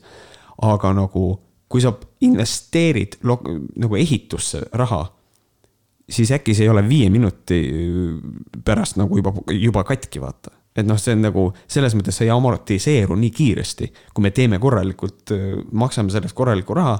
ehk siis nagu minu sõber ütles mulle kunagi, see on sitaks hea mõte nüüd ma laiendan selle Eesti riigile, kas Eesti riik on nii rikas, et ta võib oda, osta endale odavaid asju või? ma ei arva seda. pigem käime normaalse summa välja ja las see asi seisab ja on, on, on ilus ja kvaliteetne.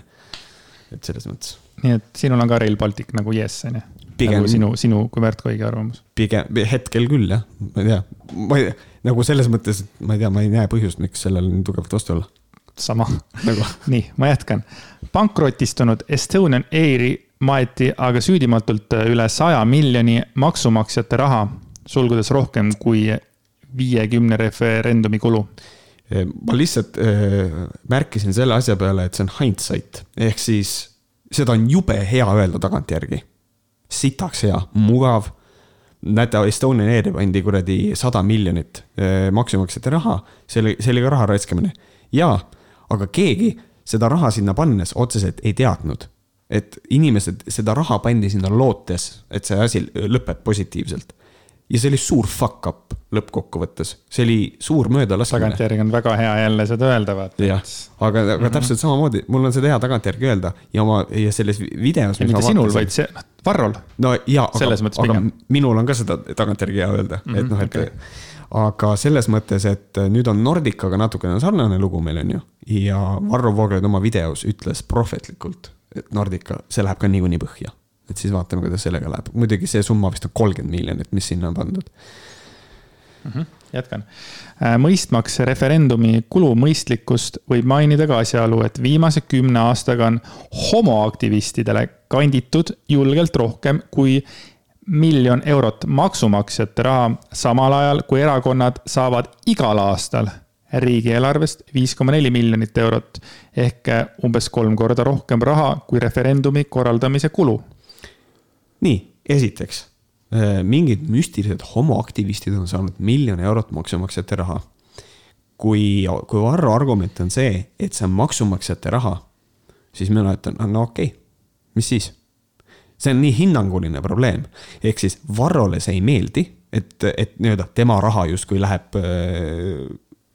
Issand, ma ütlen seda, Varrole ei meeldi, et tema raha läheb homodele.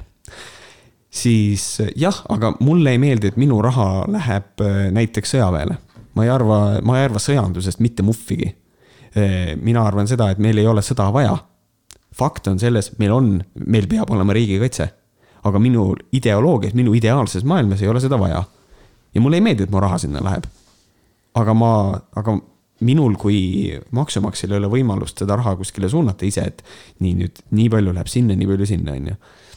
et äh,, et ma ei teagi, kas on olemas riike ja ma kujutan ette, see ei, et see, et see ei tööta, et inimene äh, näiteks makse makstes suunab, äh, kuhu tema raha läheb, et ta saab valida ma ei usu, et ükski riik seda teinud on, sest et see on suht ohtlik, sest et mingi asi jääb see tundub veitsa nagu äge, vaata. see tundub nagu äge. suunadki selle raha, et sul on seal, palju seal on mingit, ütleme kolm sotti näiteks. ja siis iga kuu vaatad ära, see on see hunnik neid nimesid, aa ah, okei okay., ma saadan see kuu siia, siia, siia, siia, siia. jah, et nagu see oleks väga demokraatlik see oleks väga demokraatlik, Varrole raudselt see nagu mõte nagu. ja meeldiks. see, et tegelikult üldse erakondasid äh, rahastatakse mm -hmm., võib-olla mulle ei meeldi see mõnes mõttes Võte. nagu jah. sest et seal on vist need, kes valimised võidavad ja need, et mingid summad seal lähevad, see on suht palju raha. aga nagu selles mõttes, kui me vaatame seda, mismoodi meil on erakonnad, on, on kõik vaesed ka. et nagu see mõnes mõttes, ma isegi leian võib-olla nagu vajalik, et need erakonnad ära ei laguneks ei, pigem oli mõeldud sellega, et kui tema siin nagu oma postituses ründab nüüd kolm miljonit homoaktivistidele ja kui mina nüüd teeks omapoolse postituse, ma kirjutan jaad tagasi oma näiteks suurelt, aga igal aastal saavad äh, erakonnad viis koma neli miljonit mm -hmm. ehk siis blablabla äh, bla, bla. et samamoodi nagu, kuda võtta. aga muide, mul on üks fakt, ma küsin su käest, kas sa tead seda? et äh, kahe tuhande neljateistkümnenda aasta aprillis äh, anti välja sihuke buklett nagu Kuidas ära tunda homoliikumise valed ja lükata need ümber. see oli Objektiivi äh, väljaanne. see on Varro Vooglaiu väljaanne. kaks tuhat neliteist ta juba tegeles selle teemaga tugevasti ja, ja, ja. ja see oli kuuskümmend neli lehekülge siis nagu ma ei tea, pedaristide valesid või? noh, selles mõttes, et see, jah. jah, et äh, ma olen kuulnud sellest ja, et äh,. minu jaoks oli see täielik nagu what? nagu so long nagu ja. see vend ikka asju ajab selle homo teemaga. tal on, tal on need, äh, tal on see homo teema väga hingel ja väga peas kogu aeg, don't sue please mm. -hmm. aga, aga, aga see on, aga põhimõtteliselt ja, ja nagu teine asi, mina võin täpselt samamoodi öelda seda. tema ütleb, et homoaktivistidel miljon, jah aga Eesti Evangeelne Luterlik Kirik sai riigilt äh, mingisuguse repress-, repressiooni kuradi. mul ei tule, mul ei tule meelde, kui palju see on, aga see oli rohkem that fucking sucks, mulle see ei meeldi. ja jälle, mis nurgast vaadata, näed. jah, et noh, aga, aga siin ongi nüüd nagu see, et, et noh, mulle ei meeldi see, talle ei meeldi see. Do you wanna fight about it nagu mul on nagu, see on maksumaksja raha. ja, ja see on nii veider, minul on alati see suhtumine, kui ma olen oma maksud ära maksnud. see ei ole minu raha enam, see on riigi raha, riik teab, mis ta selle rahaga teeb, põhimõtteliselt, sorry, noh. me võime öelda küll, et ähm, minu raha ja minu raha, ei ole ma ei tea, mitu korda ma pean seda kordama nagu, see ei ole minu raha. Varro, see ei ole sinu raha. see, millega see, see homoraha, see ei ole sinu raha. noh mm -hmm.. nii, jätkan.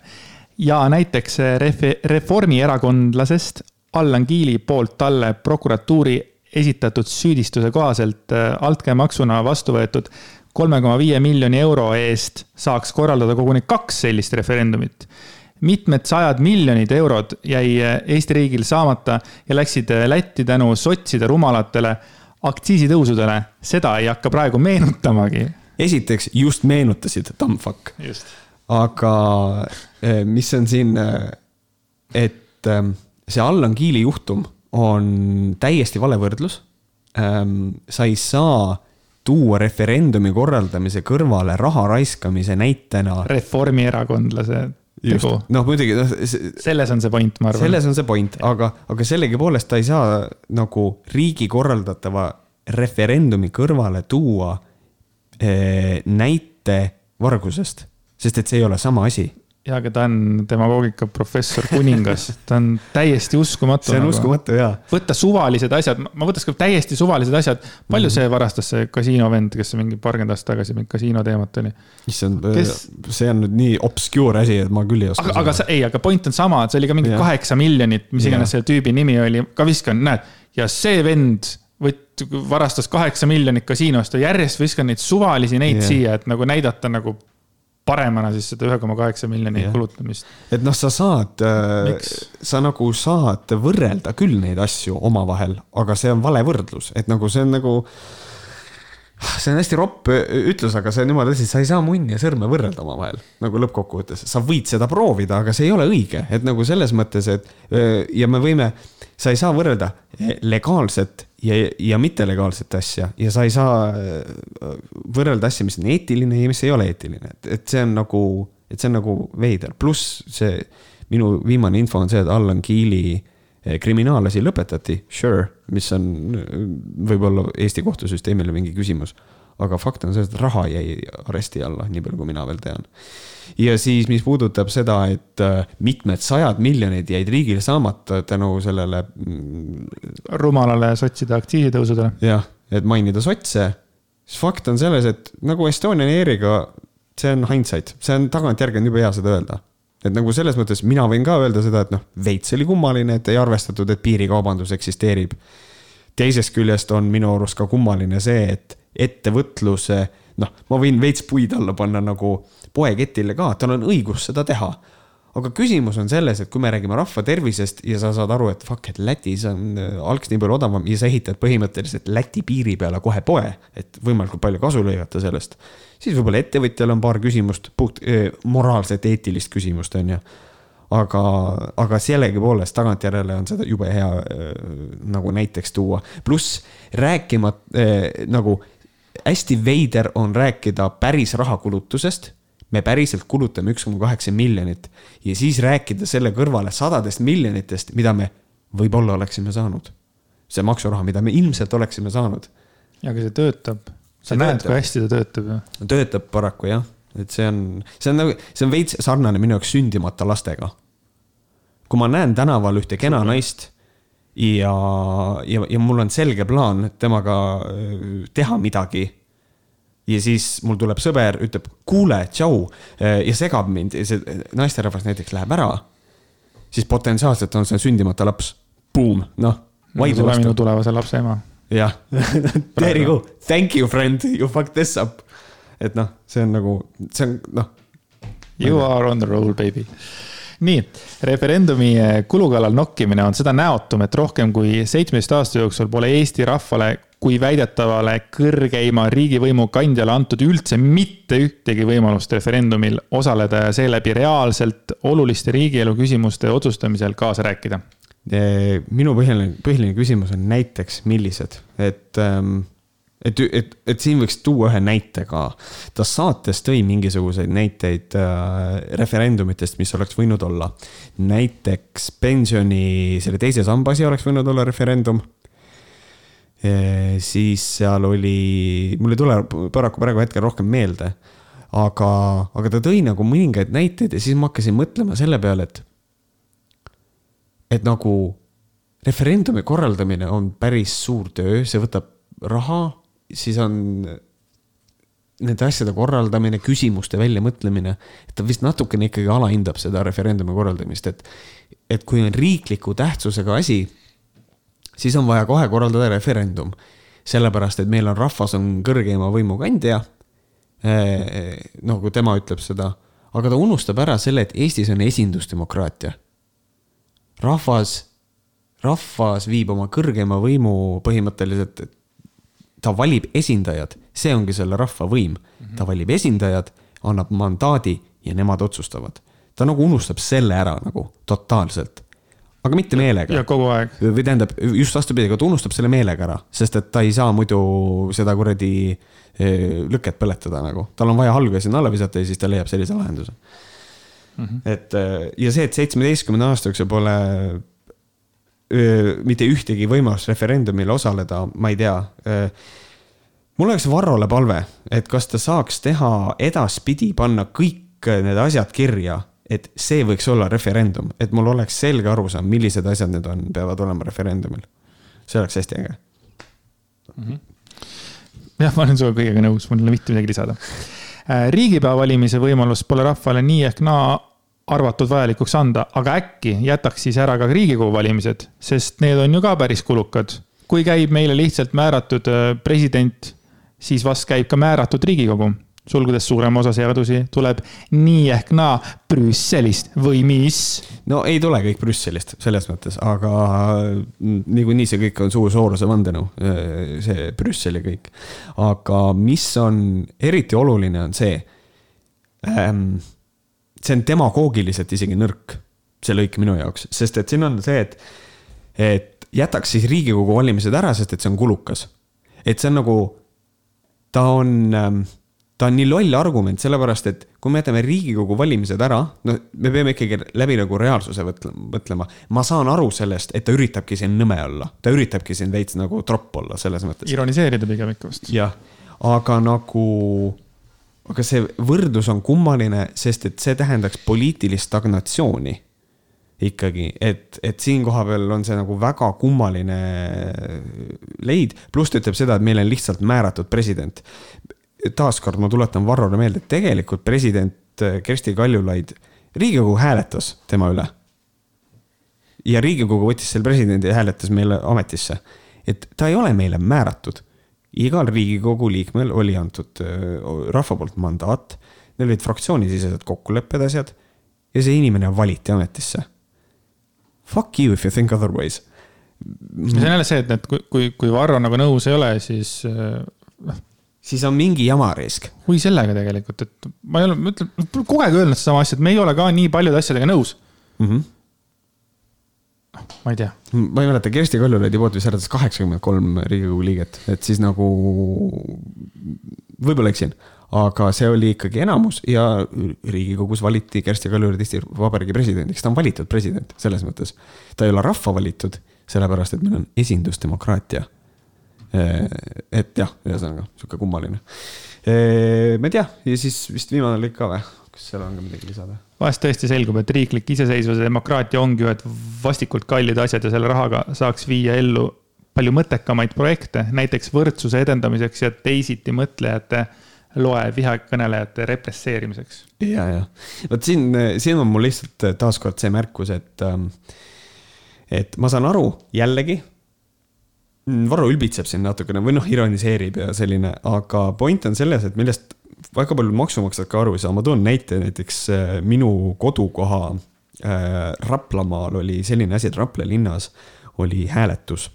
Äh, siis äh, Rapla nagu keskväljaku tegemiseks et milline peaks olema see keskväljak. Ja siis olid erinevad kavandid ja siis äh, Rapla äh, vist vist Rapla linlased, võib-olla oli Rapla maakondlased, ma ei mäleta, kuidas, aga igal juhul inimesed hääletasid. Ja hääletuse võitja, siis see projekt viidi läbi. ühesõnaga äh, Rapla inimesed valisid, milline on nende keskväljak. ja siis, kui see projekt äh, välja kuulutati, et me nüüd hakkame seda ehitama ja see joonis oli väljas, siis olid inimesed nii vihased, et nagu oot-oot-oot äh, miks see maksab nii palju, miks me näiteks mingit lasteaeda ei tee selle eest?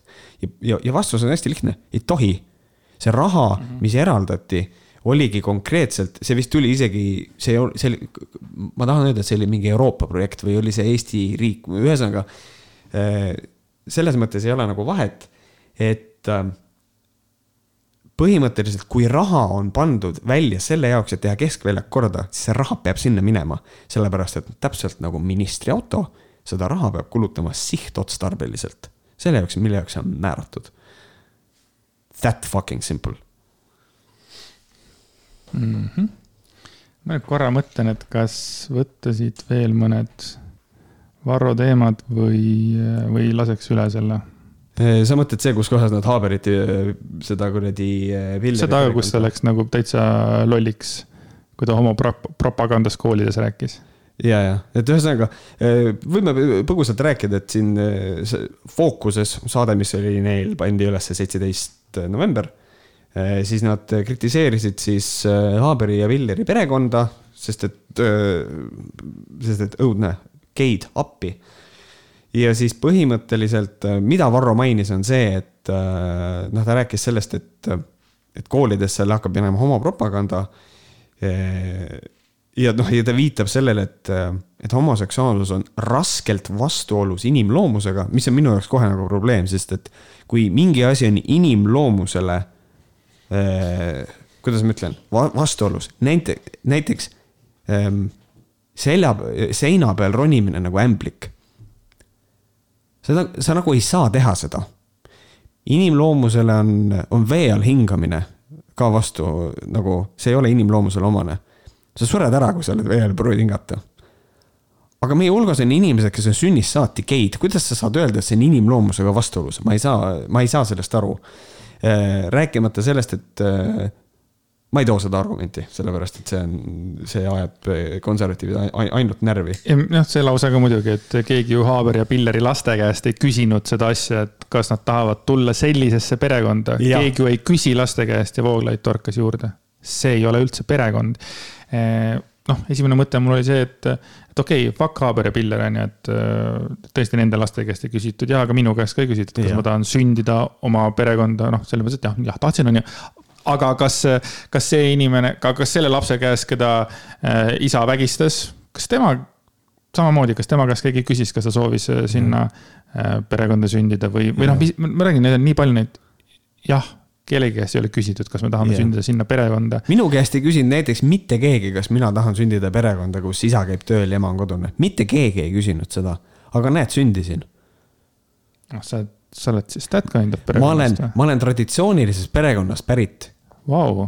ja nagu ma ja, ja, ja, ja, ja, ja vaadake, mis juttu ma suust välja ajan, kas seda te tahategi? konservatiivid, kas sellised inimesed te tahategi? Think about it see on nagu sihuke. ja siis äh,, mm, ah, ja siis Varro läks nii kaugele, et ta arvas, et tegelikult äh, võiks ära võtta vanemlikud õigused mõnedelt inimestelt ka noh, ta lihtsalt kardab, et kui nüüd homo, homo teema tuleb koolidesse, et siis eh, kuni sinnamaani välja, et satuvad ohtu vanemlikud õigused üleüldse. kui tuvastatakse, et sa oled inimene, kes kasvatab oma lapsi vastuolus nii-öelda õigeks arvatud väärtustega. Noh, siis nagu, et, et mitte siis homopropagandat kodus tees, et sul tuleks üldse vanemlikud õigused ära võtta kust, kust selline tuleb, see, see, see, kust see argument nagu tuleb, kas pre-, kas praegu keegi tahab, kas liberaalid tahavad praegu konservatiivide lapsi ära võtta või? ma ei tea, ma ei kujuta ette. et see, no ma.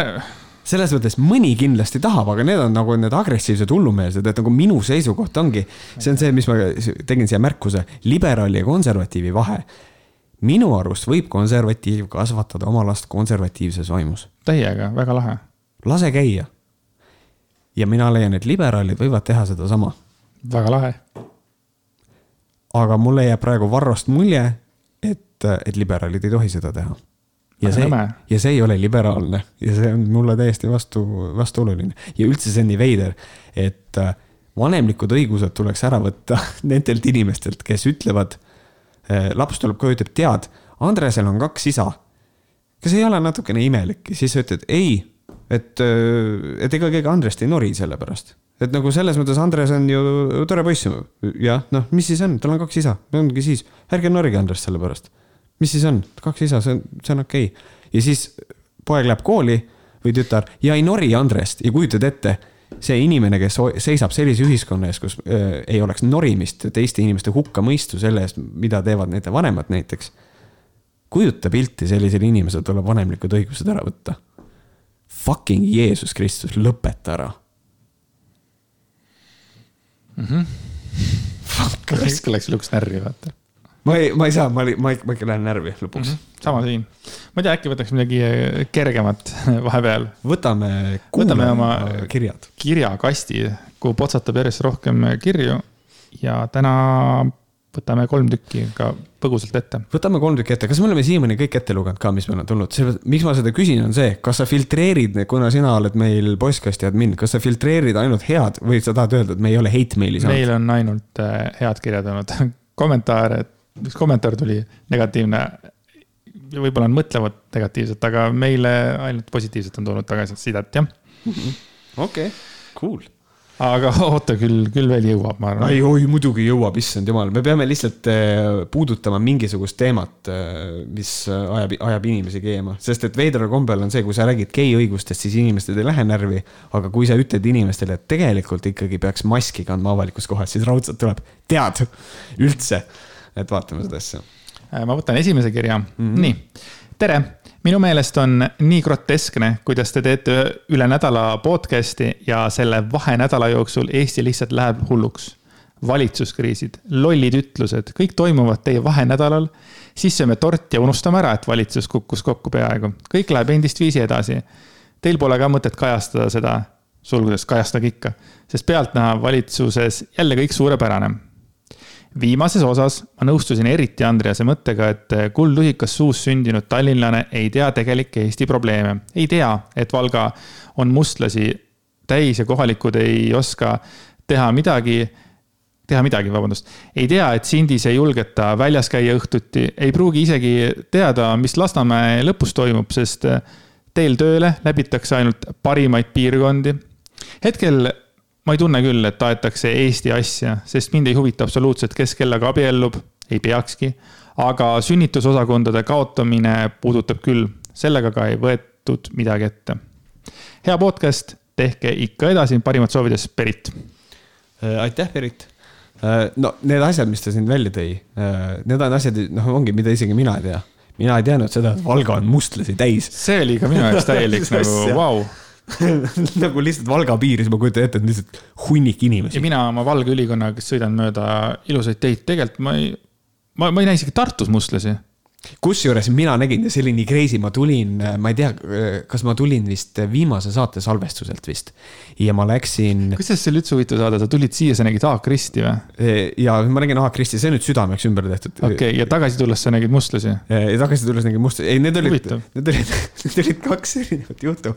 aga ma läksin, mul oli, minul ja minu naisel oli õudne McDonaldsi isu, siis ma läksin Maci, siis ma tulen Macist välja ja vaatan, et mingi mersu on tõmmatud tee äärde ja, ja nagu politsei oli seal ja mitte lihtsalt politsei, äh, rohelises taktikavormis politsei.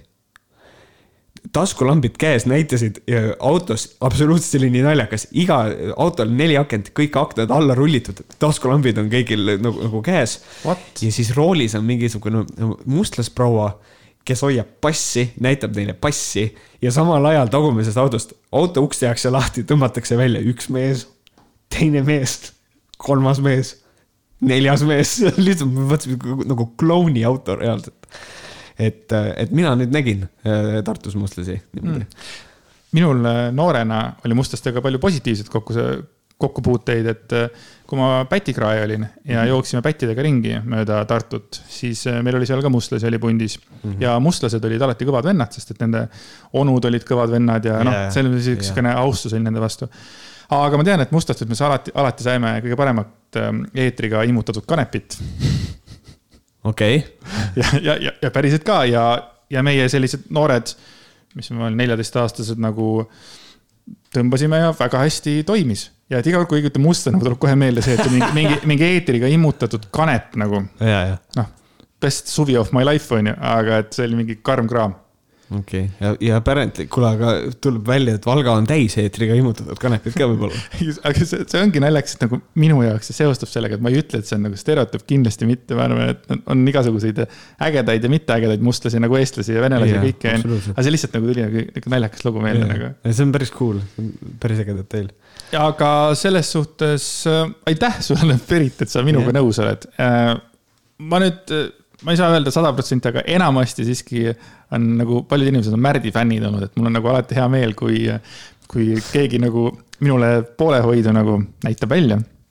nii et aitäh, et sa mu mõtet tähele panid ja seda hindasid see on nii armas Äh, siis teine kiri, mille kirjutas äh, meil pisike fänn Pärnust. ja kusjuures see oli teine asi, ma tahtsin öelda, et kuna inimesed on aru saanud, et me ikkagi ütleme nime, siis nüüd hakkasid, nüüd kaks kirja on järjest, kus ei ole enam nime, vaid on pandud vaata mingi sünonüüm või mingi sihuke sõna, et see on, see on väga kaval selles mõttes. ise teavad. ja kiri on siis selline, see puudutab, see on nüüd see just, et see nüüd väga puudutab mind, aga see kiri on selline, et tere võhkarid olen kuulanud teie podcast'i esimesest podcast'ist saadik ning avastasin eh, selle tänu Märdi Instagrami postitusele. väga äge podcast on ja teid on tore kuulata ning eriti siis, kui teie arvamused ei ühti nice.. see on alati põnev tegelikult. tahtsin pigem rääkida sellest, et kuidas Märt on minu arvamust väga-väga palju mõjutanud. ma olen jälginud Märdi videosid suhteliselt algusest peale, ehk siis umbes neli aastat tagasi nägin esimest tema videot ning peale seda olen järjest rohkem tema tegemistega ennast kursis hoidnud. ma olin siis umbes üksteist ja praegu olen ma viisteist aastat vana, käin üheksandas klassis.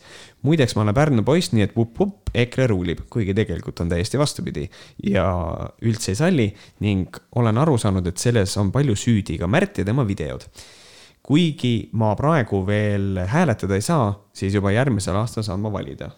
mulle, ma, ma, ma juba tunnen seda excitement'i temas Eh, saan ma valida kohalikku omavalitsust ja teen seda kindlasti, sest et mina isiklikult tean pigem vähe EKRE toetajaid, aga siiski EKRE tugevalt nii-öelda siis võitis Pärnumaal ning mina sooviksin küll sellest mainest lahti saada, aga mul oleks küsimus Märdile, et kas ta ei karda, et tema arvamus võib-olla mõjutab teisi liiga suurelt? Ja mis sa üldse arvad sellest, et nii noored inimesed sinu sisu jälgivad, tervitades pisike fänn Pärnust. see on hästi hea kiri, mis tõstatab hästi hea probleemi, hästi, hästi kõneka probleemi kes iganes sa oled. kui sa tunned seda kui mingi sinu seisukoht, sa põhjendad seda endale sellega, et mina või keegi teine ütleb nii, siis see ei ole õige. ükskõik, mis maailmavaatega on tegu. kui keegi on liberaalse maailmapildiga ainult sellepärast, et mina ütlen ja kas see, mis ma teen, minu nägu, hääl, žestid, whatever on nagu lihtsalt äh, eh, kuidas ma ütlen, nagu sümpaatne ja nagu selle pealt sa ehitad üles äh, maailmapildi, siis see ei ole nagu õige, et pigem nagu ongi vaja vaadata enda sisse, kuidas sa maailma näed, otse loomulikult on see, et inimesed su ümber mõjutavad sind hästi palju. et selles mõttes, eks ma kui nagu aus olla, eks ma mõnes mõttes tunnen vastutust ikkagi äh,. on asju, mida ma olen jätnud ütlemata, sellepärast et ma ei taha äh, öelda, sellepärast ma mõtlen, et noh, kuidas inimesed sellesse suhtuvad ja kuidas keegi seda võib äh, tõlgendada, eks ole ähm,. aga me peame nagu avalike, avaliku elu tegelased peavad sellega kogu aeg arvestama.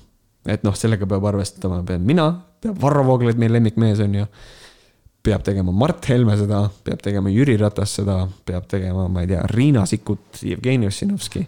et nagu, eks kõikide nende inimeste eesmärk on maailma mingil määral mõjutada. ja, ja kõige veidram on see, et me kõik üritame seda teha nagu paremuse poole alati, et me tahame kõik parimat. ka Varro, mulle tundub ikkagi ju tahab, et maailm oleks nagu äge ja parem äh, tema visiooni kohaselt et äh, lõppkokkuvõttes on, on see, et õigus on ainult ühel inimesel ja see on sul endal tegelikult paraku justkui. ma ei oska seda kuidagi nagu paremini sõnadesse panna. ma tahan ka lisada seda, et äh, pisike fänn Pärnust, ma olen sinuga selles mõttes samas paadis. ma küll ei olnud üksteist, kui ma hakkasin Märt Kogi videosid vaatama, ma olin, kas sa hakkasid kaks tuhat kuusteist tegema, eks ole? Või eksime? ma ei tea, millal tuli välja. ma arvan see..., et ikkagi võis olla küll. ma ei usu, et pisike fänn Pärnust eksib sellega. et mina olin siis kolmekümne kolme aastane. ja samamoodi on ka Märt muutnud minu nagu selles mõttes mõtteid. aga, aga see, kui Märt ütles, et, et, et see ei ole okei okay,, vaata, olla nõus lihtsalt sellepärast, et keegi on nõus, siis vaata, see ongi äh, Märt Koigi pluss, äh, mu sõber ja pisike fänn Tartust et ta oskab väga hästi ära selgitada mingisugused asjad ja, ja selles mõttes see töötab nii hästi, et sa hakkad samamoodi asju nägema. ja mina olen samamoodi hakanud äh, nagu vanemana samamoodi asju nägema nagu Märdi seisukohast ja noh, kuidagi ta selgitab nii hästi, et selles mõttes ma saan väga hästi sinust aru ma os-, ühesõnaga pikk, pikk jutt siit, et ühesõnaga ma olen väga hea manipuleerija ja äh, varsti, varsti me tõuseme ja teeme komrevolutsiooni ega mina ütlesin see väga armas, et äh, sul on, sul on selliseid jälgijaid, kes on sinu nagu noh noh, Youtube'i, minu jaoks on ka pigem nagu sinu Youtube'i karjäär on see, mis mind rohkem erutab võib-olla kui mõni teine. ja, ja, ei, see on, et see on tore ja see on hästi veider, on, on neid lugeda ka siukene, siukene tunne, et tahaks kallistada seda inimest lihtsalt nagu, aa, nii armas. on tõesti. nii, ma võtan järgmise kirja. tere, Koik ja Jääger. Oleme juba päris pikalt elukaaslasega Märdi tegemisi fännanud ja seega oli ka Võhkarite kuulamine no-brainer tänks, et teemadega süvitsi viitsite minna ja toote meieni informeeritud ja huvitava arutelu. Teie seisukohti on alati põnev kuulata ning loodan, et jututeemasid jätkub veel mitmeteks, kümneteks saadeteks. Ähm, kuigi sa, Märt, kuigi sa, Märt, vist kuigi teadlikult äh, enda etendusele reklaami ei teinud, siis meile küll. tundus tegin küll siis meile tundus äh, inimesed ja numbrid kohe väga huvipakkuv, kui mainisid, et sellise asjaga töötad. ja nii jõudsime seda novembri alguses ka vaatama. see kontseptsioon oli megalahe, väga teistmoodi. kui sul on võimalik, äh, siis kas võiksid kunagi jagada, kuidas selle etenduse ettevalmistamine käis, et kuidas need korterid leidsite ja kas need salvestused on välja mõeldud või saite ligipääsu kodeerituna kellegi päris ankeedile. väga huvitav oleks, kui saaksid avada seda tausta rohkem ähm,. PS, mega kokkusattumus. ma ei tea, mis imelikule nõusolekule ma sellel etendusel viibimise käigus enda teadmata linnukese panin, aga kaks nädalat peale etendusel käimist sain Statistikaametilt kirja, et olen oodatud leibkonna eelarve uuringusse. Creepy as fuck ehk siis olen tubli statistik ja vastan omataoliste nimel, et kuidas see Eesti elu päriselt on. jõudu ja tervist, M. see on ähm.... minu jaoks on see tõesti krüpteeriline lõpp, vaata, et nüüd palun selgita, millest siin räägitakse. Äh, no ühesõnaga on niimoodi, et me nagu äh, statistikaameti info baasil tegime lavastuse, kus kohas me puudutasime. jah, seda sa rääkisid. ja, aga põhimõte on selles, et et ähm, no ma kõigepealt vastan sellele, et, et need kaks asja on kokkusattumused. vähemalt äh, noh, tegelikult, et see, et sa seal käisid ja siis pärast Statistikaametit kirja said, see, see peab olema kokkusattumus. Äh, aga põhimõtteliselt siin on nüüd, äh, ma saan aru, et see on siis eelarve, leibkonna eelarve uuring, mis on tegelikult, see on siis see, et selle alusel tehakse seda statistikat, kui palju on Eestis inimesi äh, kes elavad põhimõtteliselt suhtelises vaesuses, absoluutses vaesuses, tulukvintiilidesse jagatakse, see on hästi niisugune pikk keeruline asi.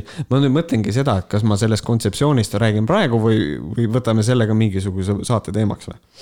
või ma võin kohe rääkida?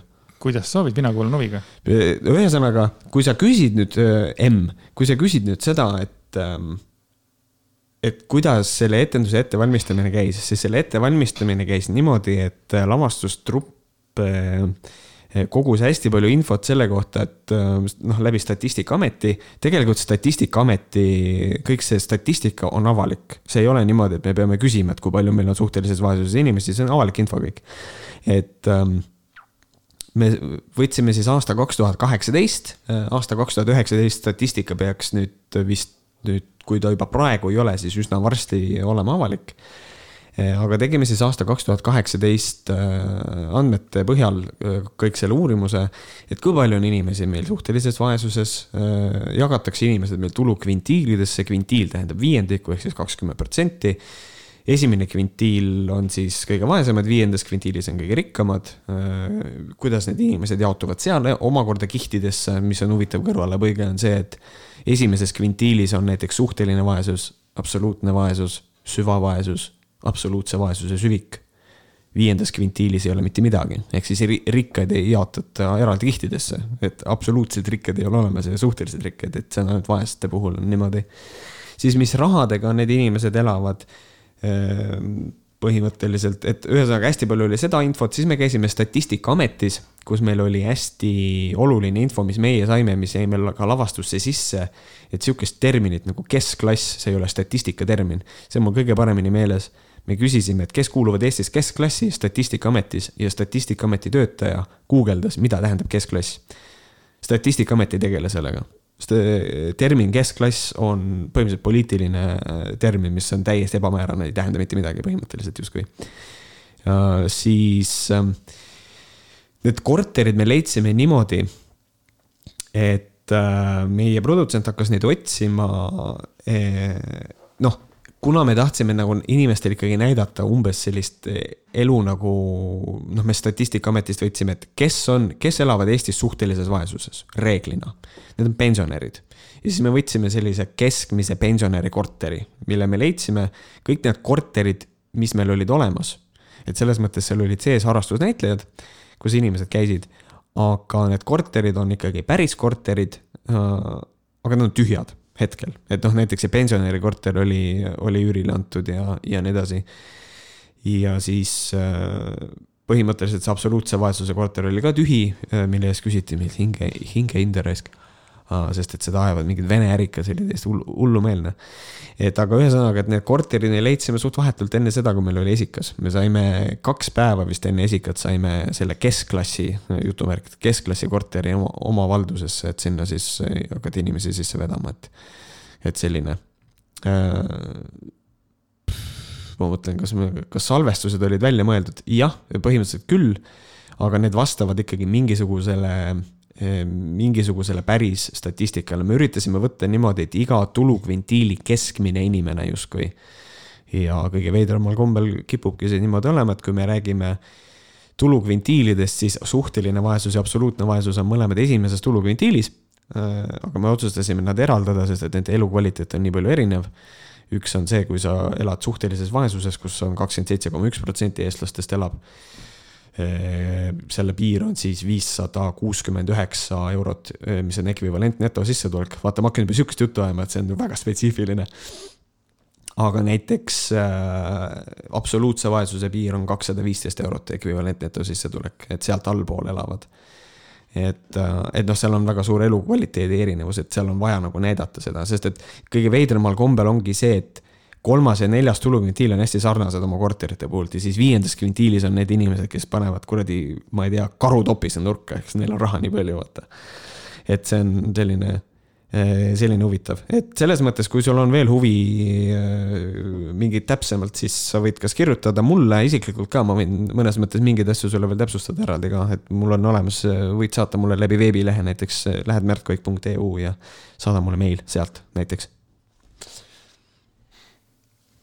väga lahe, loodan, et äh, sai äh, nagu paremini aru võib-olla kui mina. seal ikkagi on mingisugune, et kui sa räägid, et noh, saime selle korteri, siis minu esimene mõte oli, et cool, te teete näidendit, et mis seos selle korteriga, vaata. et ja. see on ikkagi mingisugune inside värk no selles mõttes ma võingi tegelikult nagu öelda, et selle lavastuse point oli selles, et inimesed tulevad saali, me teeme väikse intro, seletame mingeid termineid inimestele ja siis me lä käime läbi korterid, mis on päris korterid nagu publikuga sõidame, jagame inimesed ära neljaks ja siis sõidame nendega mööda Tallinna linna ringi ühes piirkonnas ja näi-, näitame neile korterit, kus kohas inimesed elavad ja millised need korterid on. nagu päriselt sõidate või? jah, päriselt bussiga sõidame. Vau, mhm. okei sihuke, sihuke lavastus, ma, ma oleks võinud seda mainida, aga nüüd tuli see välja. väga äge, et äh, vast said äh, veidi vastust ja võta Märdiga ühendust. jah, muidugi, kui, sul on rohkem küsimusi, siis loomulikult, kui mul on vaba päev, siis ma võin isegi sinuga Discordis rääkida sellest, kui sa tahad. väga lahe. siia saate lõpuosasse veel sellised mõned äh, vahvad uudised, mis mind kõnetasid ja me võtame need pealiskaudselt, aga usun, et väga lõbusasti läbi neli vahvat uudist. nii, esimene uudis, Saarte Hääl kirjutab seda, et Kaali järve hoolimatud külastajad pissivad, kus juhtub see oli, äh, see pealkiri tegelikult on naljakam kui, äh, kui tegelikult see teema, sest et äh, noh. tegelikult on probleem. tegelikult on probleem, et inimesed kusevad kusevad, kuhu juhtub, eks ole. aga päris nii see ka ei olnud, et siin artiklis oli ikkagi kirjas see, et päeval on siiski ka, tualett on avatud, aga see on siis, kui see külastuskeskuse pood on nagu avatud yeah., siis saab nagu seda, aga kuna Kaali järve ähm, järve juures nagu kõigega kakskümmend neli tundi, siis äh, ülejäänud aeg, siis ütleme pool ajast siis ikkagi kusetakse igale poole ja see on probleem. ja tegelikult ma arvan, et see ei ole üldse ainult mingisugune äh, Kaali järve mingisugune teema, see on üldse nagu mingitel mm -hmm. kohtadel, kus ongi nagu vaatamisväärsused, pluss kasvõi fucking rannadki. ma vahepeal nagu mõtlen, et nagu lähed randa või noh, mina lähen randa, mitte sina ei lähe randa, mina lähen randa ja siis tahaks põhjale minna no ja ei ole lähemal mingi kuuesaja meetri raadius siia-sinna, eks ole, et see tegelikult see on probleem ja siis ongi, et aga, aga mida ma siis teen ja siis samamoodi Kaali, Kaali vennad, mis seal ikka siis, till välja, kusevad nurga taha, eks ole, et noh mm -hmm. mis siin väga varianti on. või järve, mul oli nagu see mõtteõud nagu tuleb välja, et terve, et Kaali järv, seal ei olnudki järve tegelikult. inimesed mõtlesid, uu, meteoriit kukkus, kutaks kusta ja siis aja, aja jooksul on see lihtsalt. sa ikka oled seal käinud, eks ole? mina ei ole veel Kaali järve ääres käinud okay.. ma olen, ma olen see eestlane, kes ei ole Saaremaal seal käinud. ma olen jah, kuigi ma käisin nüüd suvel Saaremaal, aga see nagu. sa olid ka hi hiline Saaremaale mineja siis oma elus või? jaa, suht, tegelikult ikka. ma käisin kaks tuhat kuusteist esimest korda Saaremaal nagu väga täiskasvanud. see on tegelikult naljakas mõelda, et nagu täiskasvanud inimesed, kes elavad Eestis ja tegelikult ei ole käinud mm, -hmm. ei ole käinud. ja ma arvasin nagu esimesest minutist Saaremaasse ära nagu väga äge ja siiamaani mulle väga meeldib Saaremaa, igal võimalusel ma läheksin sinna. aga no okei okay,, igal teisel võimalusel läheksin, sest ma alati valin Haapsalu ennem. Kui mul on valida nagu, et kuhu minna, vaata nii, mis on teine vahva uudis? teine vahva uudis on see, et äh, kõikidel läheb elus ikkagi hästi, tuleb välja, sest et skandaalne Aivar Mäe sai uue töökoha, kus teenib kaks tuhat kakssada eurot kuus mm. -hmm. ja see on siis äh, Viimsi vallas, äh, Viimsi halduse projektijuhina ja ta nõustab uue kultuurikeskuse rajamist. just ehm, see on, see on, tekitas mulle hästi suurt äh, nagu kuidagi vastuolu, et äh, kõigepealt siis äh, Aivar Mäe teeb koerusi. et äh, kui me mäletame, siis oktoobris määras Politsei- ja Piirivalveamet väärteomenetluses Mäele seksuaalse ahistamise eest karistuseks rahatrahvi. nii, siis äh, ta lahkus Estonia teatrist, ta sai nelikümmend neli tuhat ükssada eurot hüvitist, eks ole. et trahv ära maksta. ja nüüd siis nagu nagu ma aru sain, siis et äh, vallavalitsuse toonase vallavanema Laine Randjärve ettepanekul sõlmis Mäega viiekuulise lepingu ja siis oligi, et alguses oli tuhat kakssada viiskümmend eurot kuus, hetkel on siiski kaks tuhat kakssada eurot kuus. ning tema ülesandeks on olla eksperiment, ekspertteadmistega abiks Artiumi keskuse ehitamisel ja sisustamisel. Äh, ma ütlesin üks äh, Võhkarite osa seda, et see Aivar Mäega, et, et mul tuli meelde see, kui Laine Randjärv äh, tegi koolitust ja ütles, et noh, et noh, terve eluga on niimoodi, et, et Laine Randjärv on tema ülemus olnud Mäe oma, siis vastupidi, siis äh, läheb Mäe äh, Randjärve juurde ra,, Randjärve Mäe juurde. ja siis tuli see uudis, mul mm. oli mhm. niimoodi, et unfucking believable, kuidas on tegelikult Laine Randjärv ja Aivar Mäe omavahel seotud, sest et mm. see, ma, ma ei, Laine Randjärv on hullult armas inimene ja ilmselgelt ma ei kahtlusta siin korruptsiooni, aga kuidagi on kahtlane see asi, et kogu aeg need nagu omavahel siin. Äh, plingivad üksteisega. plingivad, et jälle on leitud Aivar Mäele koht, kus ta saab jälle üle keskmise kõvasti palka, eks ole, kaks tuhat kakssada, kaks tuhat, kaks tuhat kakssada eurot ei ole ilmselgelt väike raha. noh, jah, no muidugi ta sai, Aivar Mäe sai viis tonni, sai, sai rahvusooperis mm., eks ole. aga ma ei, ma ei tea, et uh,. Ta on veel, veel süüdi mõistetud kurjategija ka ja ikka leitakse talle koht, et nagu. no jaa, aga vaata teisest küljest on see, et kui sa oled nagu, kui sul karistuseks on rahatrahv ja sa oled rahatrahvi tasunud ja see on, ja sa oled oma karistuse ära kandnud, siis kas sa ei või tööd, tööle minna? sul on õigus. et nagu selles mõttes jah, sa võib-olla vaatad nagu viltu ikkagi asjale, aga noh, kui ta on raha, karistuse ära kandnud, siis peaasi, et ei ahista inimesi period, ma arvan, et see on nagu hästi. mis sa arvad, kas selle ahistamis case'iga on nüüd lõppmajas või tuleb veel, koorub sealt ikkagi midagi? ma ei tea, ma ei julge, ma ei, ma ei julge ennustada. korraks oli nagu vaikus ja siis tuli äkki, et laksti, et ikkagi mingi rahatrahv tehti, eks ole mm. -hmm. ma arvan, et, ma arvan, et see on tehtud. arvad, et nüüd on kõik või? ma arvan, et nüüd on kõik, jah, kui ta just tundub otsusta. siiski, et Aivar Mäe elu ei ole rikutud, kui tal juba uus töökoht nagu paistab, et see on ma, ma ei tea, see on jah. kergelt jälle selline ohvrimentaliteeti õigustunde nagu tekkimine, aga kui mina nüüd seksuaalkurjategijana midagi teeksin, siis mul nii lihtsalt see uue töökoha leidmine ei tuleks. ja võib-olla mm. ei tulekski. kui Laine nagu, Randjärv ei oleks tuttav, vaata. et see on minu jaoks natukene veider, aga, aga tore, kui tegelikult antakse teisi võimalusi ja ma usun, et Aivar Mäe on sellest äh, õppinud, sest et noh ma arvan, et ta nagu pidi sellest õppima. noh, ma südamest loodan. ja kui ta on ikkagi ekspert, siis võib-olla ta on oma töös hea. mulle, mulle, mulle meeldis see, sul, sul keel vääratas, et sa ütlesid, et Aivar Mäe ülesanne oli olla eksperiment siis mõtlesin, et see on nii. sa kogu aeg kuulad mu neid keelevääratusi. eksperimendi korras võtame enda, võtame enda ahistaja, et kuidas tal see asi välja tuleb. True, true. aga, aga ei, selles mõttes mina ütlen seda, Aivar Mäele, okei okay ole viisakas ja edu uuel töökohal, vaatame, äkki, äkki saad hakkama niimoodi, et ei vaata kellelegi rinnahoidjasse, aga meie järgmine uudis äh, on see, et Eesti kakssada kasvatas jõuliselt toetust, kirjutab Eesti Rahvusringhääling. Ja nende hüpe on päris kõva. Äh, miks see tore on, see ei ole sellepärast, et Märt Koik oleks kuidagi Eesti kahesaja poolt kinni makstud, see on absurdne väide. Äh, miks on see tore, on see, et mulle meeldib, kui nii-öelda poliitikas uus veri on populaarne. selgita mulle, miks on turu-uuringute ja Emori uuringute protsentuaalne nagu ikka päris suur vahe, võtame niimoodi, et kui Emori uuring ütles, et Reformierakonnal on kakskümmend kaheksa ja turu-uuring on kakskümmend kolm protsenti, okei okay,, no viis prosa mm, -hmm. ei ole hullu, vaata. Eesti kakssada äh, ühe numbri järgi on kaheksateist protsenti, teisel kolmteist protsenti siin nagu tundub see prot-, see viis protsenti nagu palju suurem vahe, vaata, sest juba mm -hmm. ikkagi kaheksateist on nagu teine. aga võtame näiteks Keskerakond, kakskümmend neli protsenti ja Emori arvates seitseteist. see, see, see, see, see seitse protsenti tundub ikka väga suur kuidagi. kui ühe, ühe peal on ta number üks, Keskerakond kakskümmend neli protsenti ja teise uuringu poolt on siis nagu kolmas seitseteist protsenti kuidas nii suur vahe tuleb, ma ei saa aru sellest, sina oled meil spetsialist number mina oskan ainult öelda seda, et see tuleb sellest, et valimid on erinevad ja valimid on erineva suurusega. Äh, me ei, valim. valim tähendab seda, kui paljud inimesed küsitlusele ah, vastavad ja, okay. ja, ja, ja, ja nagu mis, mis inimesed nad nagu on.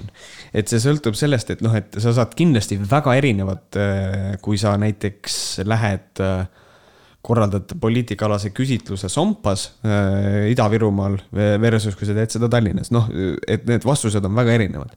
et selles mõttes, et äh, see peaks olema hästi ühtlane, aga ilmselt seal on mingisugune selline asi joonistub välja, et et on, et noh, valimid on piisavalt erinevad, et on nii suured prot protsentuaalsed erinevused, aga mis on oluline, mis äh, selle asja teeb paremaks, on see, et sul on need kõik ees et sa näed protsendilisi erinevusi, et sul ei ole ainult, ainult üks, et sa ei saa öelda, et nende toetus on selline, vaid sul on selle kohaselt on kakskümmend neli, siin on seitseteist.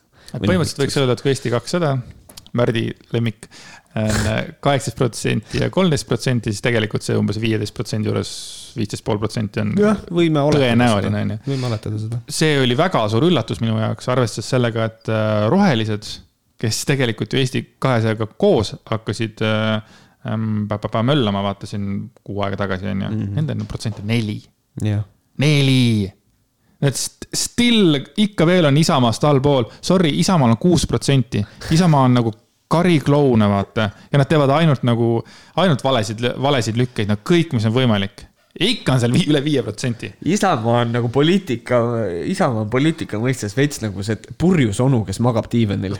aga millegipärast kõik kutsuvad teda peole. ja, ja siis ta on veel kõige olulisem ka, et kas ta rikub selle peo ära või ei riku, vaata, siis tema sõna alati just, loeb. ja siis rohelised on nagu see pereliige, kes, see onu kutsutakse alati peole, ta magab diivani peal, aga rohelised on see nõbu, kes suitsetab kanepit ja teda sellepärast ei kutsuta peole. et see on veits selline kõrval hinnang. aga mis võib-olla teeb inimesi murelikuks, on Eesti kahesaja puhul see, et nad on kõige rohkem väidetavalt kasvatanud oma numbreid Reformierakonna pealt. et Reformierakonnalt on nad võtnud valijaid ära, mis võib-olla mõningaid inimesi võib äh, muuta murelikuks mm,. jah, siis kui me rääkisime sellest, siis nagu äh, muutis ka mind murelikuks, et nüüd äh, hääled lähevad kuidagi väga hajali, vaata.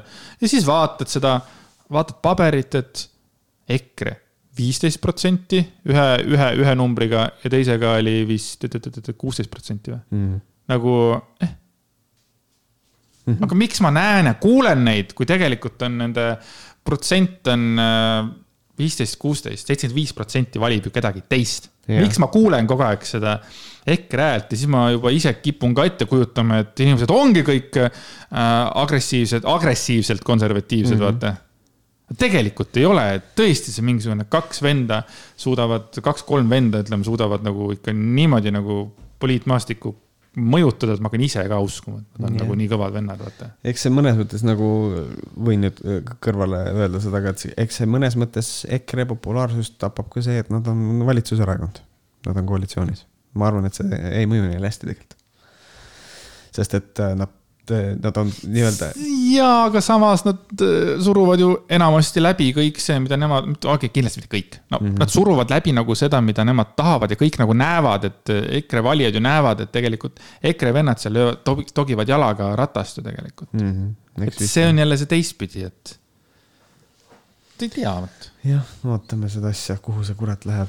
aga võtame järgmise uudise valitsus pikendas öise alkoholimüügi keeldu kahekümne kuuenda jaanuarini.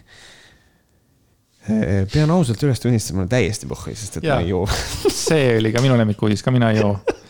et äh, kui ta on kella kaheteistkümnest kümneni napsi ei saa, siis pubides, siis uh, to hell with that jah, ma võin, ma, ma võin kaasa tunda äh, selles mõttes ettevõtjatele küll, et nagu selles mõttes kliente on vähem. aga adapt and overcome, kas ei ole juba hakanud peod kell üheksa pihta näiteks mm? -hmm. et noh, selles mõttes et.... tõmbame ennast üheksaks, üheksast täis ja kui need nii suur hirm on, et peale kahteteist inimesed levitavad äh, koroonat, kuna nad enam ei mäleta, kellega nad koos olid, siis nüüd tõmbavad kell üheksast, ütleme noh, kiiresti juba poole kümneks yeah. võiks ju ikka nagu purjus olla yeah.. ja kolmveerand kümme on mingi tšikk ära sebitud ja siis saab hakata koroonat levitama või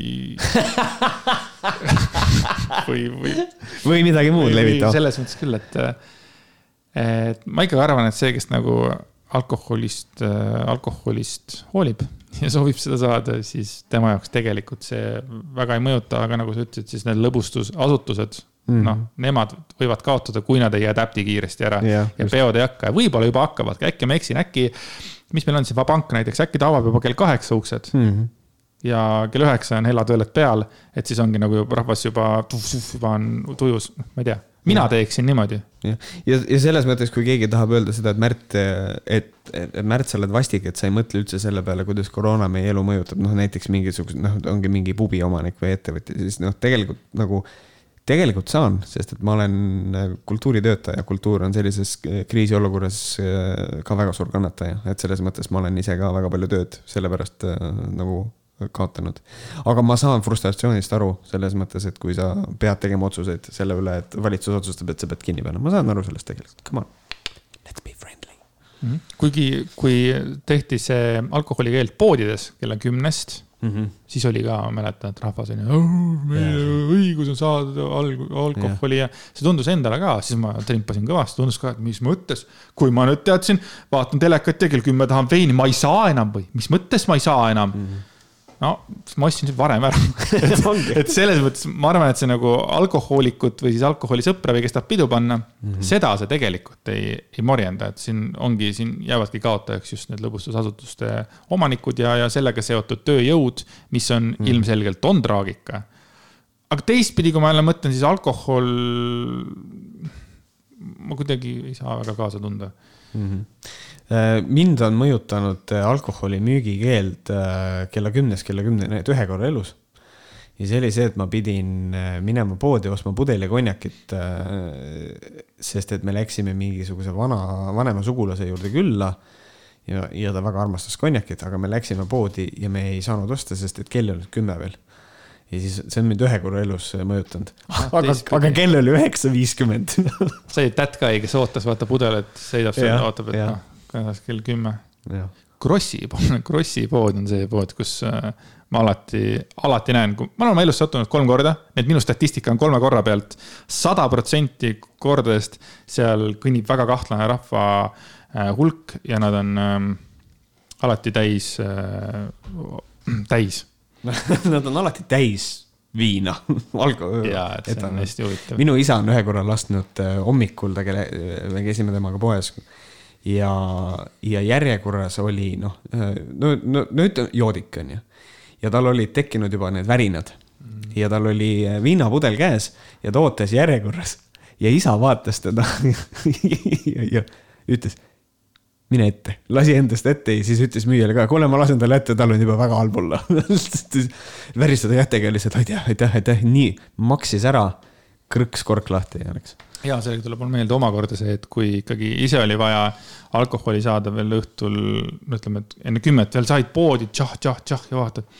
Fuck, inimesed on oma toidukorvidega, oh my god, milline yeah. ebaõiglus, mul on vaja saada see pudel viina, kell on üheksa viiskümmend kaks, vaata yeah.. ma saan või ei saa ja eestlaste viisakus oli see, et nad nägid ära, et ahah, sa ostad viina.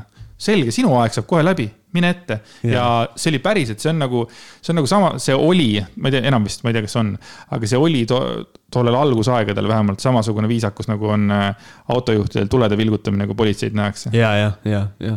kusjuures veidral kombel, kas sa vilgutad kõigile tulesid, kui on politsei? kui palju sa märku annad, sellepärast et mul on, ma olen tähele pannud, mul on oma isa filosoofia. mõnele autole sa vaatad peale ja mõtled, ei, las läheb reis, pohhui okay.. las läheb, et ma kõigile ei vilguta. ma ei ole niimoodi mõelnud, ma, ma olen üsna kehv vilgutaja vist ausalt mm.. sest minul on põhiline asi, miks mina vilgutan, on see, et inimesed ei pane millegipärast oma tulesid põlema. see on teine asi, jah.